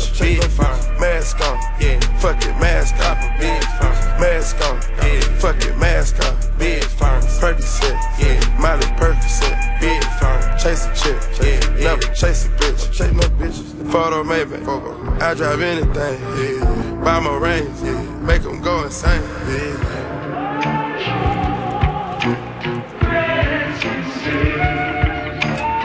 My guillotine, draping melazine, draping taking beams, yeah. Go to those extremes, let's go, let's go. Parliament, Parliament, calamari wins, yeah. Parlay in Vegas, we was in attendance, let's go, let's go. Before the business, yeah. Theodore lenses, Theodore prescriptions, yeah. On a mission. Put my intermission. Hold on. Never take a break. We can't pull up. Switch states. Switch down foreign plates. Switch. Ain't no way. Ain't no fucking way. No, we contemplate. We didn't come to play. No, rob the bank. We gon' rob the game. Again, they gang, we gang. Gang. But they are not the same. We bang. Percocet. Yeah. Miley Percocet. Big firm, Percocet. Yeah. Miley Percocet big firm. Rep the set, yeah. Gotta rep the set. Gang, gang. Chase a chick, chase it. Never chase a bitch. Big firm. Mask on, yeah. Fuck it, mask off. Big firm. Mask on, yeah. Fuck it, mask off. Big firm. Percocet, yeah. Miley Percocet, big firm. Chase a chick, yeah. Never chase a bitch. Big firm. Mask on, fuck it, mask off. Mask on,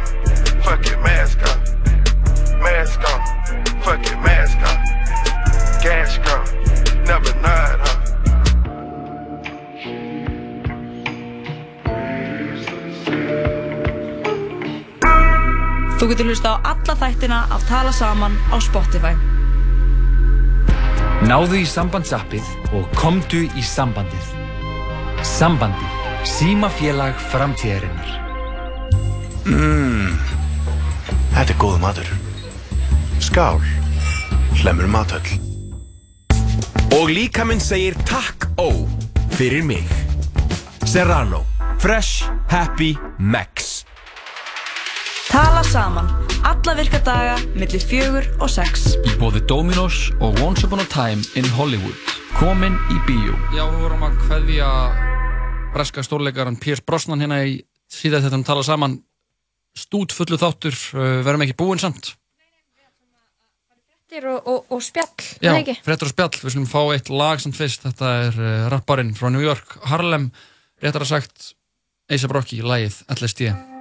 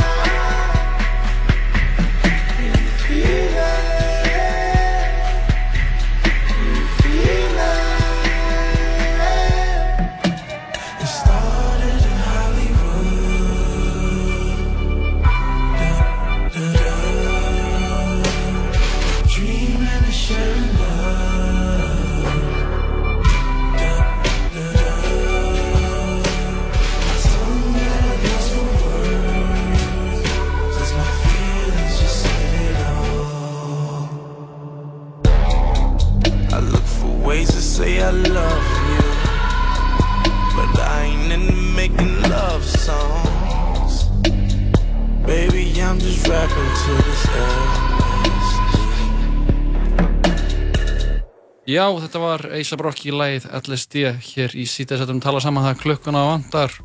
Já, hún er bara á slæðinu hálf sex. Við erum að vera með pakkaðan þátt, fengum til okkar uh, Bubba Mortins. Það var ekki verra að fá hann. Hann var að henni góðu spjalli. Já, og margt spennandi að gerast í honum. Um, svo er náttúrulega mikið spennandi fréttum í gangi. Heldur betur. Það er innrás Tyrkja í Sýrland. Þannig að, Við auðlýsum eftir einhvern veginn sem sagt okkur frá því.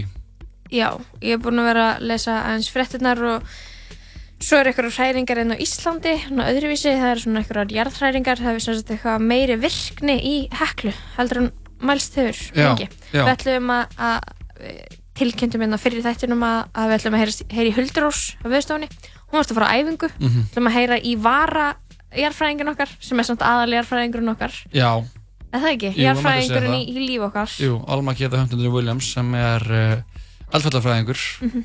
og uh, hún er á línunni uh, eða er að, það er að ringja á línunni Hún er að dettin á og línuna. hún var alltaf að fá svona smá útskýringu frá henni uh, Heklu? um stöðu heklu Alma, Já, uh, já, Sæl Jóhann hérna og Lóa í sítisettunum tala saman já, sæl.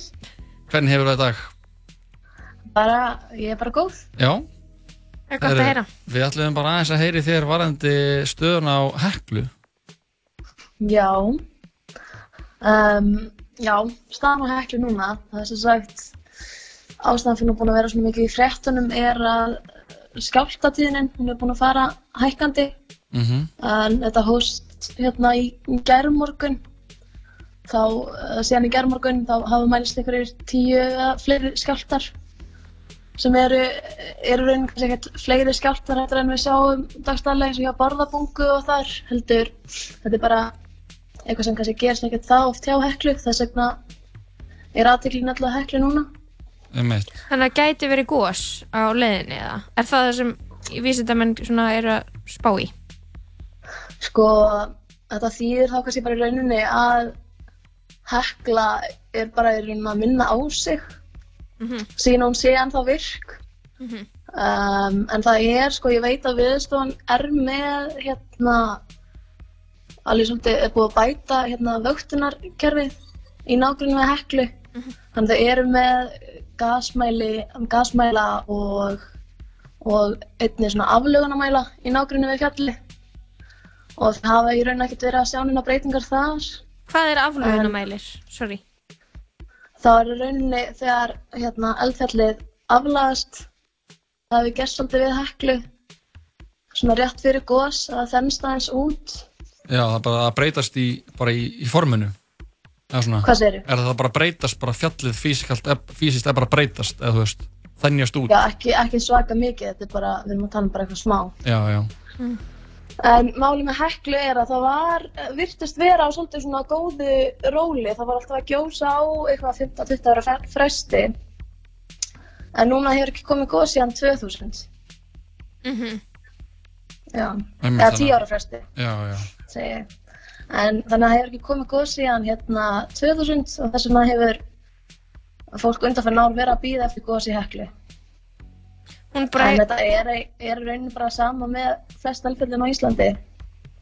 Þau náttúrulega eru öll alveg freka virk. Mhm. Men, ma- ég er samt að spá, veist, ef það væri heklugós, myndi, veist, myndi fara að eldgós yfir Selfoss og fólk þurft að flytja út. Sko, það fer bara eftir rosa miklu. Það bara fer bæði eftir stærð elgósins Mhm. og með þess að líka bara eftir vindátt. Eins og þegar hérna Egefalla jökull gaus, Mhm. þú veist, við fundum ekki það mikið fyrir því en að í Reykjavík því vindurinn bles allir gjóskunni yfir til hérna Evrópu. Mm. Þannig að þrátt fyrir að við vorum með nær þá hérna Bara minni aska hér. bitnaði það ekkert jafn mikið á okkur, já. Mhm, einmitt. En þannig að það er rosa margir þættir sem hérna koma þar inn. Það getur verið sprengigos eða ekki og hraungos sem getur komið. Hver... Út frá heklu? Já. Jú, það gæti bæði komið í rauninni. En hver er munurinn á þessum gósum? Uh, Sprengigos er aðeins kannski, jú, kannski aðeins meira, þá er það meiri gjóska, það er þá þegar vatn er, hérna, kemst í tengslu við kviku Mhm. og þá er, hérna, það er svona svipast til og eins og, hérna, eigafællajökull, það er sprengigos. Einmitt. Uh, en hraungos, það er aðeins svona rólir eins og við sáum hann í hólurhraunni. Mhm. Það er leku bara. Þá getur alveg Já, farið og bara það. horft á það og bara skoða það og það Já, er ekkert svona, hættulegt. svona tekna sig eins og túristagos. í Já, einmitt. Ert þú spennt sjálf persónulega fyrir heklugosi? Já, það er ekki. Það væri pepp. Maður er alltaf smá spenntur fyrir gósum en á sama tíma þá er þetta ekkert eitthvað besta í heimi fyrir Íslandinga. Nei, út, út af hverju er það ekki gott fyrir Íslandinga? Bara eins og segir, þetta getur hérna komið veg fyrir almenningssamgöngur og bara hérna loftgæði og, og alls konar sko. Mhm, mhm. Það er raska mörgum. Þetta getur raska Já. Já. Ok, Já. þannig að við svona vonum bæði, vonumst bæði eftir gosi og ekki.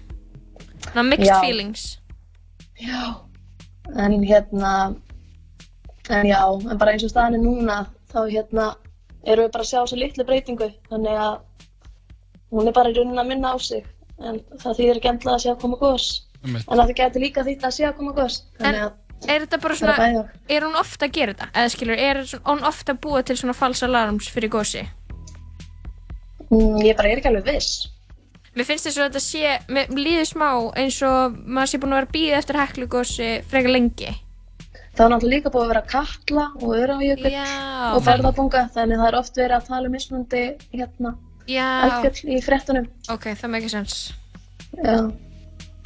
Já, það er gott að fá Alma Gíða. Þakka kærlega fyrir þetta. Já, Minnst takk fyrir spjallið, góðan dag. Já, dag. Er...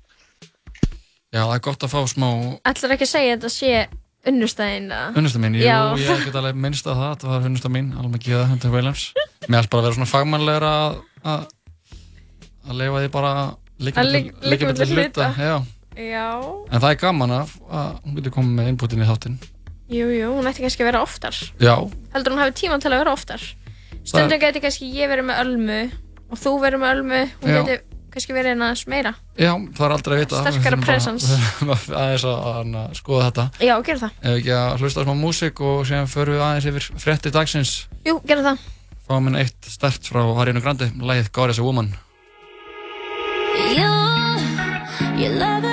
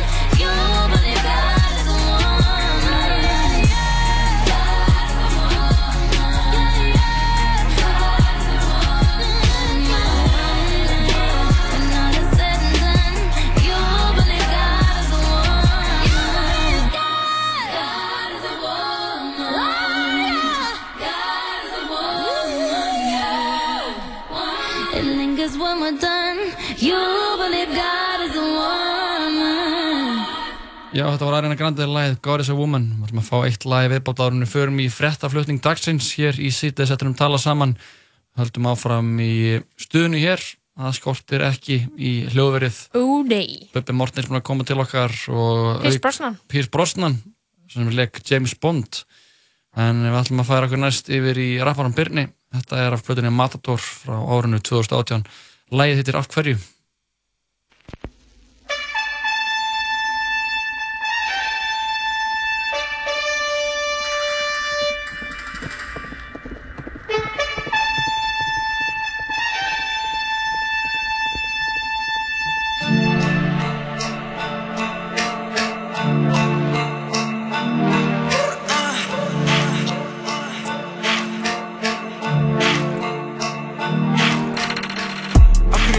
Ertu að spura mig, af hverju með hverjum ertu? Af hverju ertu að spura mig, hættu að spura mig, af hverju ertu? Af hverju ertu að spura mig, spura mig, af hverju með hverjum ertu? Af hverju ertu að spura mig, hættu að spura mig, af hverju ertu? Af hverju ertu að spura mig, ha? Hættu að spura mig, af hverju ertu að spura mig, af hverju, af hverju, hættu að spura mig, af hverju ertu að spura mig, ha? Hættu að spura mig, af hverju ertu að spura mig, af hverju, af hverju, hættu að spura mig. Ég fer þú farir niður Þessi dagana þá erum við Bara saman fullt stígum Þessi dagana þá erum við Ekki að eignast fullt af vinum. Þessi dagana þá eru þið Ekki standa undir skýlum Ég held búin sem vilja drepa mig Hún vil ekki vera eins og ég. Ég vil bara gera hana endalaus Það eru engin görur eins og ég. Bara bláu sæli sem ég tel Ég var niður og fór upp. Sverða gerist ekki oftast Ég get ekki farið yfir mig Þú veist að byrja sem er bóttan Myndi gera þetta ef þið gætu Kaffibóttur minn er sætur Þól ekki hvernig þú lætur. Þú situr ekki leið sætum. Við erum að fljúa Ég þarf þetta múla. Allt er að snúast. Ég þarf þetta núna. Ég vil hluti sem ég sé eftir. Get smókað þangt til ég sé ekki. Þeir eru ómikið að kvíla ykkur Fóldra mínir í frí, ég fer ekki. Verpstunni sem hún er ekki. Verpstunni sem hún kom ekki. Ég er mjög meðvitaður um vandamál sem ég er ekkert að gera í hverju ertu að spura mig, spura mig Af hverju með hverjum ertu Af hverju ertu að spura mig, hættu að spura mig Af hverju ertu Af hverju ertu að spura mig, spura mig Af hverju með hverjum ertu Af hverju ertu að spura mig, hættu að spura mig Af hverju ertu Af hverju ertu að spura mig, Hættu að spura mig Af hverju ertu að spura mig Af hverju, af hverju hættu að spura mig Af hverju ertu að spura mig, Hættu að spura mig Hverju ertu að spura mig? Hverju hættu að spura mig. Þið eruð ekkert eins og við. Mér er alveg saman ykkur. Allur tími sem er til. Og þið eru ennþá fyrst í drikknum. Hættið að pæla í mér Spura mig af hverju með hverjum ertu. Alveg eins og ekki sé ekki Alveg sama bró þegar þú sestu Hvað er að fræta með þá? Pæla í mér hvað er að fræta með okkur? Pening er það að fá? Eitthvað líf sem að ég geymi í sóknum. Ég næ ekki að hætta í dag. Hún tala við mig þegar það er eitthvað að. Eðandi tíma í það að spyrja mig spurninga farið ekki svar Ég er í vegginum hennar. Þessi lífstil er að venjast. Fullt af morgun til að fremja. Þessi rakkur er bara að grenja. Vó, hættu að gera þetta Segja við mig, byrni slaka á Hvað ert að meina? Ég ger þetta endalist Bara segja ykkur frá Reyna að kjappa við mig Þú tapar í hlaupinu, ég er á hjóli að selja koma inn Ég spara það og setja síðan í sjóðin Hvað ert að meina? Ég ger þetta Ekki margir sem að gera sig Og átt að vita ég er með þetta Maður fuck sætti bara að bera sig Af hverju ertu að spura mig, spura mig, af hverju með hverjum ertu? Af hverju ertu að spura mig, hættu að spura mig, af hverju ertu? Af hverju ertu að spura mig, spura mig, af hverju með hverjum ertu? Af hverju ertu að spura mig, hættu að spura mig, af hverju ertu? Ertu að spura mig? Hættu að spura mig, af hverju ertu að spura mig, hættu að spura mig? Af hverju ertu að spura mig? Hættu að spura mig, af hverju ertu að spura mig, hættu að spura mig?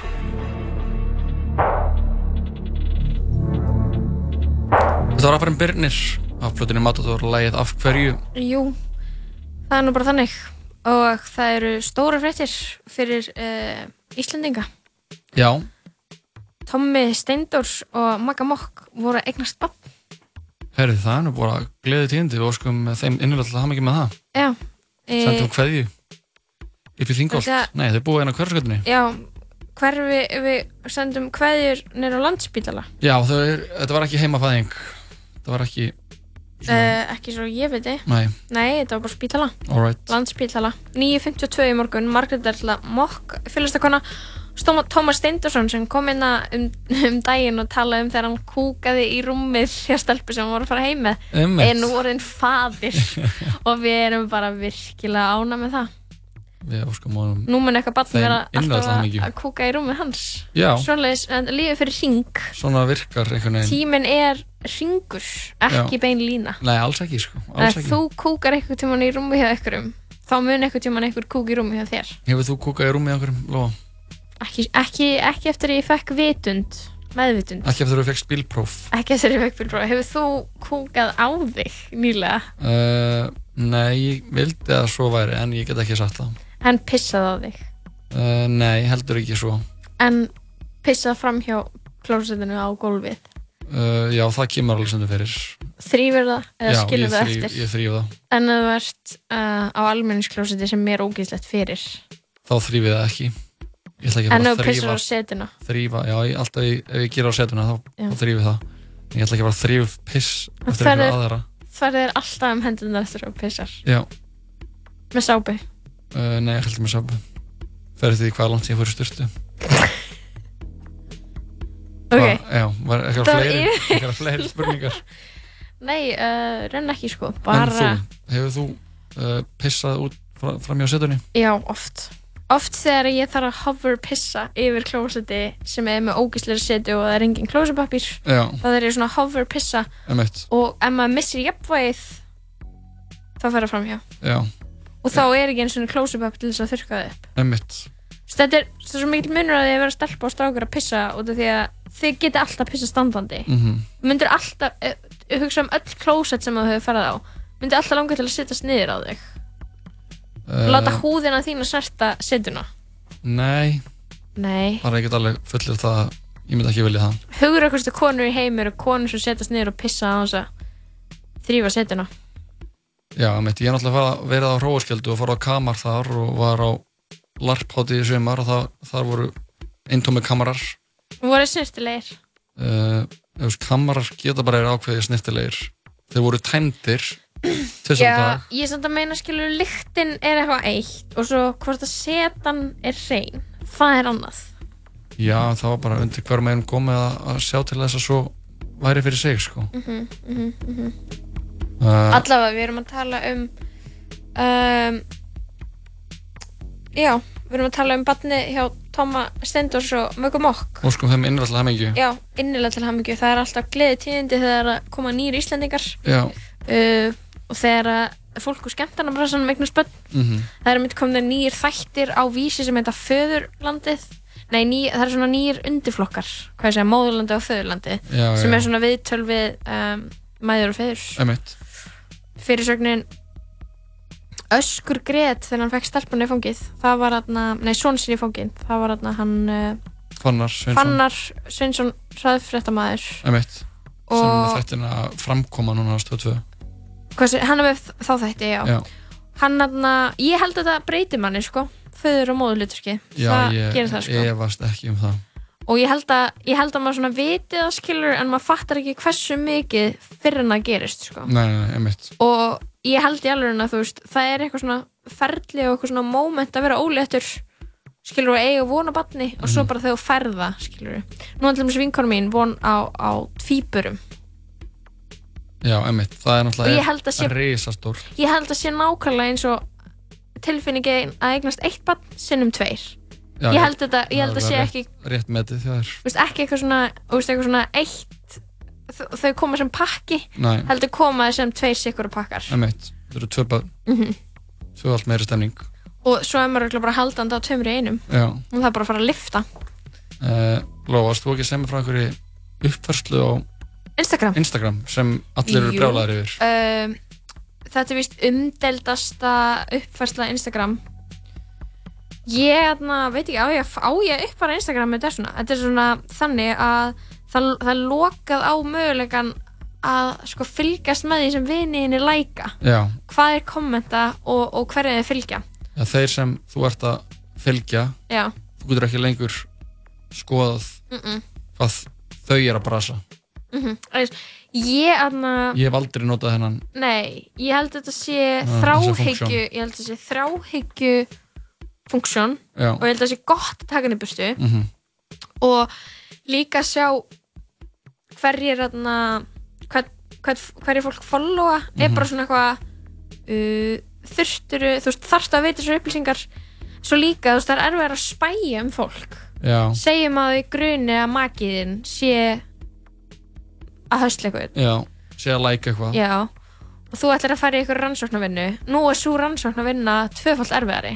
Já, ég held að það sé samt kannski bara jákvætt að Já. þur- þurfur, að getur ekki verið að, að að njóstna svona. Nei og að draga einhverja álíktanir út, út frá, því hvað einhver er að læka á Instagram þú veist, það er bara eitthvað er eitthvað annað bullshit. Og þarna og þú getur ekki til dæmis og heldur kannski ég veit, ég veit að þetta er gert það er kannski, heldur eitthvað sé á lausu en þú ert ekki viss. Mhm, mhm. þá kannski fylgistu með þessu ef hann lækar alltaf hjá einni stelpu já, kannski eru það að hittast. Já, eða þú veist að, eru þau hætt saman? Er, eru þau ennþá að followa hvort annað? Eitthvað svona, þú veist, það er svona það er endalast að dóti sem er hægt að komast að bara með eitthvað svona vera eitthvað svona og draga álíktanina á allana að, hugmynd. Taka eitthvað svona já, taka eitthvað svona upplýstar álíktanir í Mhm. rauninni, sko. Mhm. Skilur eftir eitthvað svona, svona, svona trail á netinu, sko. Uh, þetta er ekki lengur hægt. Heldur þetta mun ekki koma aftur eða heldur þetta verði ekki alveg frekar umdelt ég veit það ekki, þetta er eitthvað svona mér finnst alltaf eins og það kom eitthvað umdelta stuðfæslir það bara gerast eitthvað og síðan er það bara gleyma því allir að hlutin hafa einhvern tíma verið öðru sem þeir eru. Já. Sko um, Hann segir einna Vishal Shah, einna starfsmenn með Instagram segir að að þetta hafi verið ákvörðin hafi verið tekin út því að hann efast um sko að mikið af notundum Instagram viti einu svona af þessum möguleika. Mhm, mhm. og þetta hefur bara verið svona einfaldleikin og heldur sem fengið ræða fyrir og þú veist heldur í framskom fáum myndu sakna þess. Ég held að sko ég þekki ekki marga sem eru þarna inn á sko. Inn á following og, ég held að sé alveg nú alveg einhverjir sko. Já, en þetta er, þetta er líka það sem maður kemst að sko líka ef maður byrjar eitthvað aðeins að kíkja á þetta. Þú veist, við erum að tala um hérna, þú ferð inn í já, kannski er þetta bara strax farið hjá mér. Já, ég held að, já, þetta er bara strax farið hjá mér. Þetta er farið. Já, og þú veist uh, maður kemst það svo fljótlega að þetta er bara rosalega mikið bara bulli Mhm. ef þú byrjar að skrolla þetta er bara, þú veist kannski að followa eitt matablogg og þá er, þá ertu bara alltaf að sjá bara þau að læka öll kommentin. Já, já, já. Æskilur, þetta er bara Já. svona veist, eitt random veftímarit sem þú followar að læka tíu komment og það er bara, veist, þetta er bara svona óþæra upplýsingar sko. þetta er, þetta er algjör óþóri fullkomin óþóri en klálega minna, út, minna úti af tækifærum fyrir þarna, spæjara já, það. við bara fagnum því já, já, En það fyrir að líða að lokum hjá okkur í dag. Við Jú. vorum með pakkan þátt, fengum til okkar uh, kongin sjálfan, Bubba Mortens í hljóðverið. já, ég er alveg bara svona veist, eftir mig að fengið hann sko, það er alveg endislegt. Þetta var aðeinslegt að fá hann og uh, bara áttum virkilega gott spjall sem við munum deila á uh, vefnum okkar. já, klálega Og uh, svo fengum við til okkar, uh, Nefnum Bibba var einna með kvikmyndaspurningar já, fengum meðugudags uh, spurningar frá henni MC Bibbu á menninga meðugudagi. Mhm. Virkilega skemmtilegar. Mm. Og gaman að, að taka smá svona spurningar stundum. Velta hlutunum fyrir sér. Velta hlutunum fyrir sér. Svo fengum við sjálfsögðu leikaran Piers Brosnan í þáttinn. Kongur sko Já. James lék- Bond, lék Mamma Mia Hann, uh, James Bond, já. Og leik í, uh, í Mamma, Mamma Mia. Og uh, svo hringdu við hennar Ölmu Gíðu, Huntington Williams, eldfjallafræðing og fengum smá stöðu uppfærslu á hvað var að gerast hjá Heklu. Mhm. Og uh, já, þá kan man að vera með henni í Dalóa. Sumulegis Jói og bara njóttu það sem eftir er dagsins. Sömulegis Hvað er planið í kvöld? Og þú kæra hlustandi, ég er að pæla að fara á Jókerinn í bíó. Ok. Ég ætla að þetta tvei stelpur og við ætlum að setja oss niður og semja brandara. Það hljómar eins og uh, ágætis kvöldstund. Það er ekki? Jú, við slum enda þáttinn á uh, rapparunum Da Baby sem var að gefa út sína aðra flötu á dögunum. Platan Kirk skýrði höfuðið á pappa hans Da Baby. Og þetta er uh, af flutinni lagið hittir uh, Bop við þakkum kjærlega fyrir okkur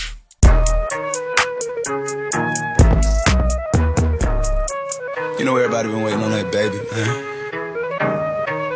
I mean it like ever since baby on baby drop, man. Ever since baby on you know, baby drop. Ain't nobody drop shit. Let's go. Ha. I needed some shit with some bop in it. I flew past the whip with that blunt in my mouth, watched it swerving. That whip had a cop in it. My bitch got good pussy, fly her across the country. I finished the show and I hop in it.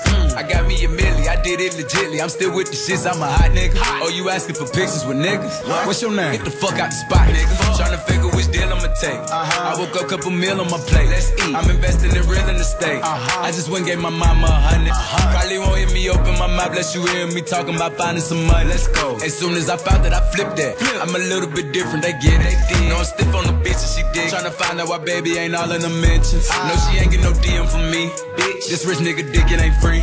She be throwing that at, yeah, she good at it. Turn around when we fuck, make her look at it. Uh, she like, ha. I needed some shit with some bop in it. Let's go. I flew past the whip with that blunt in my mouth, watched it swerving. That whip had a cop in it. My bitch got good pussy, fly her across the country. I finished the show and I hop in it. I got me a milli, I did it legitly. I'm still with the shits, I'm a hot nigga. I'm unorthodox than a motherfucker. Hey, when you gon' switch the flow? I thought you never asked. Niggas ain't fucking with me and ain't bout what the fuck they be rapping about what they look scary ass. But to each his own, nigga. If you like it, I love it, no big. That boy say he get money. Oh, really? How much they just cut you a check for? A million. I'm going back to Cali like big. Go back. About to go get a pound just to smoke. I smoke. They told me to come work on my album. I'm trying to go find out the price on the boat. Okay. My little bitch act like Megan the Stallion. She get her when nasty. She driving the boat. Drive the boat. All this shit that they making be born. Let me something to buy while I ride with the pole. Here you go. Oh, okay, okay. I needed some shit with some bop in it. I flew past the whip with that blunt in my mouth, watched it swerving. That whip had a cop in it. My bitch got good pussy, fly her across the country. I finished the show and I hop in it. I got me a milli, I did it legitly. I'm still with the shits, I'm a hot nigga. hot.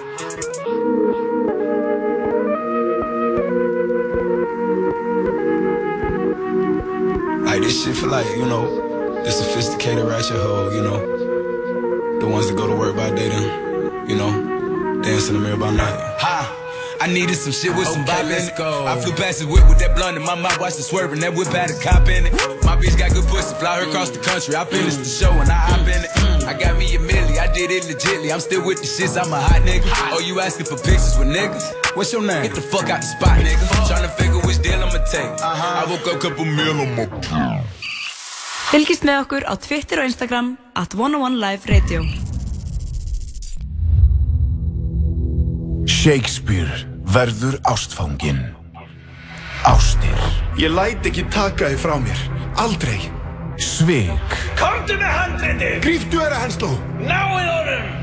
Örlög. Þú mátt ekki giftast honum, alveg sama hvað drottningi segir. Allt sem þú helst að þú vissir var ránt. Shakespeare verður ástfangin. Komin í bí... e- Nei, já. Komin í þjóðleikhúsið. Miðasala er í fullum gangi á leikhúsið.is Þú finnur fréttir, þætti og tónlist á heimasíðun okkar 101.live.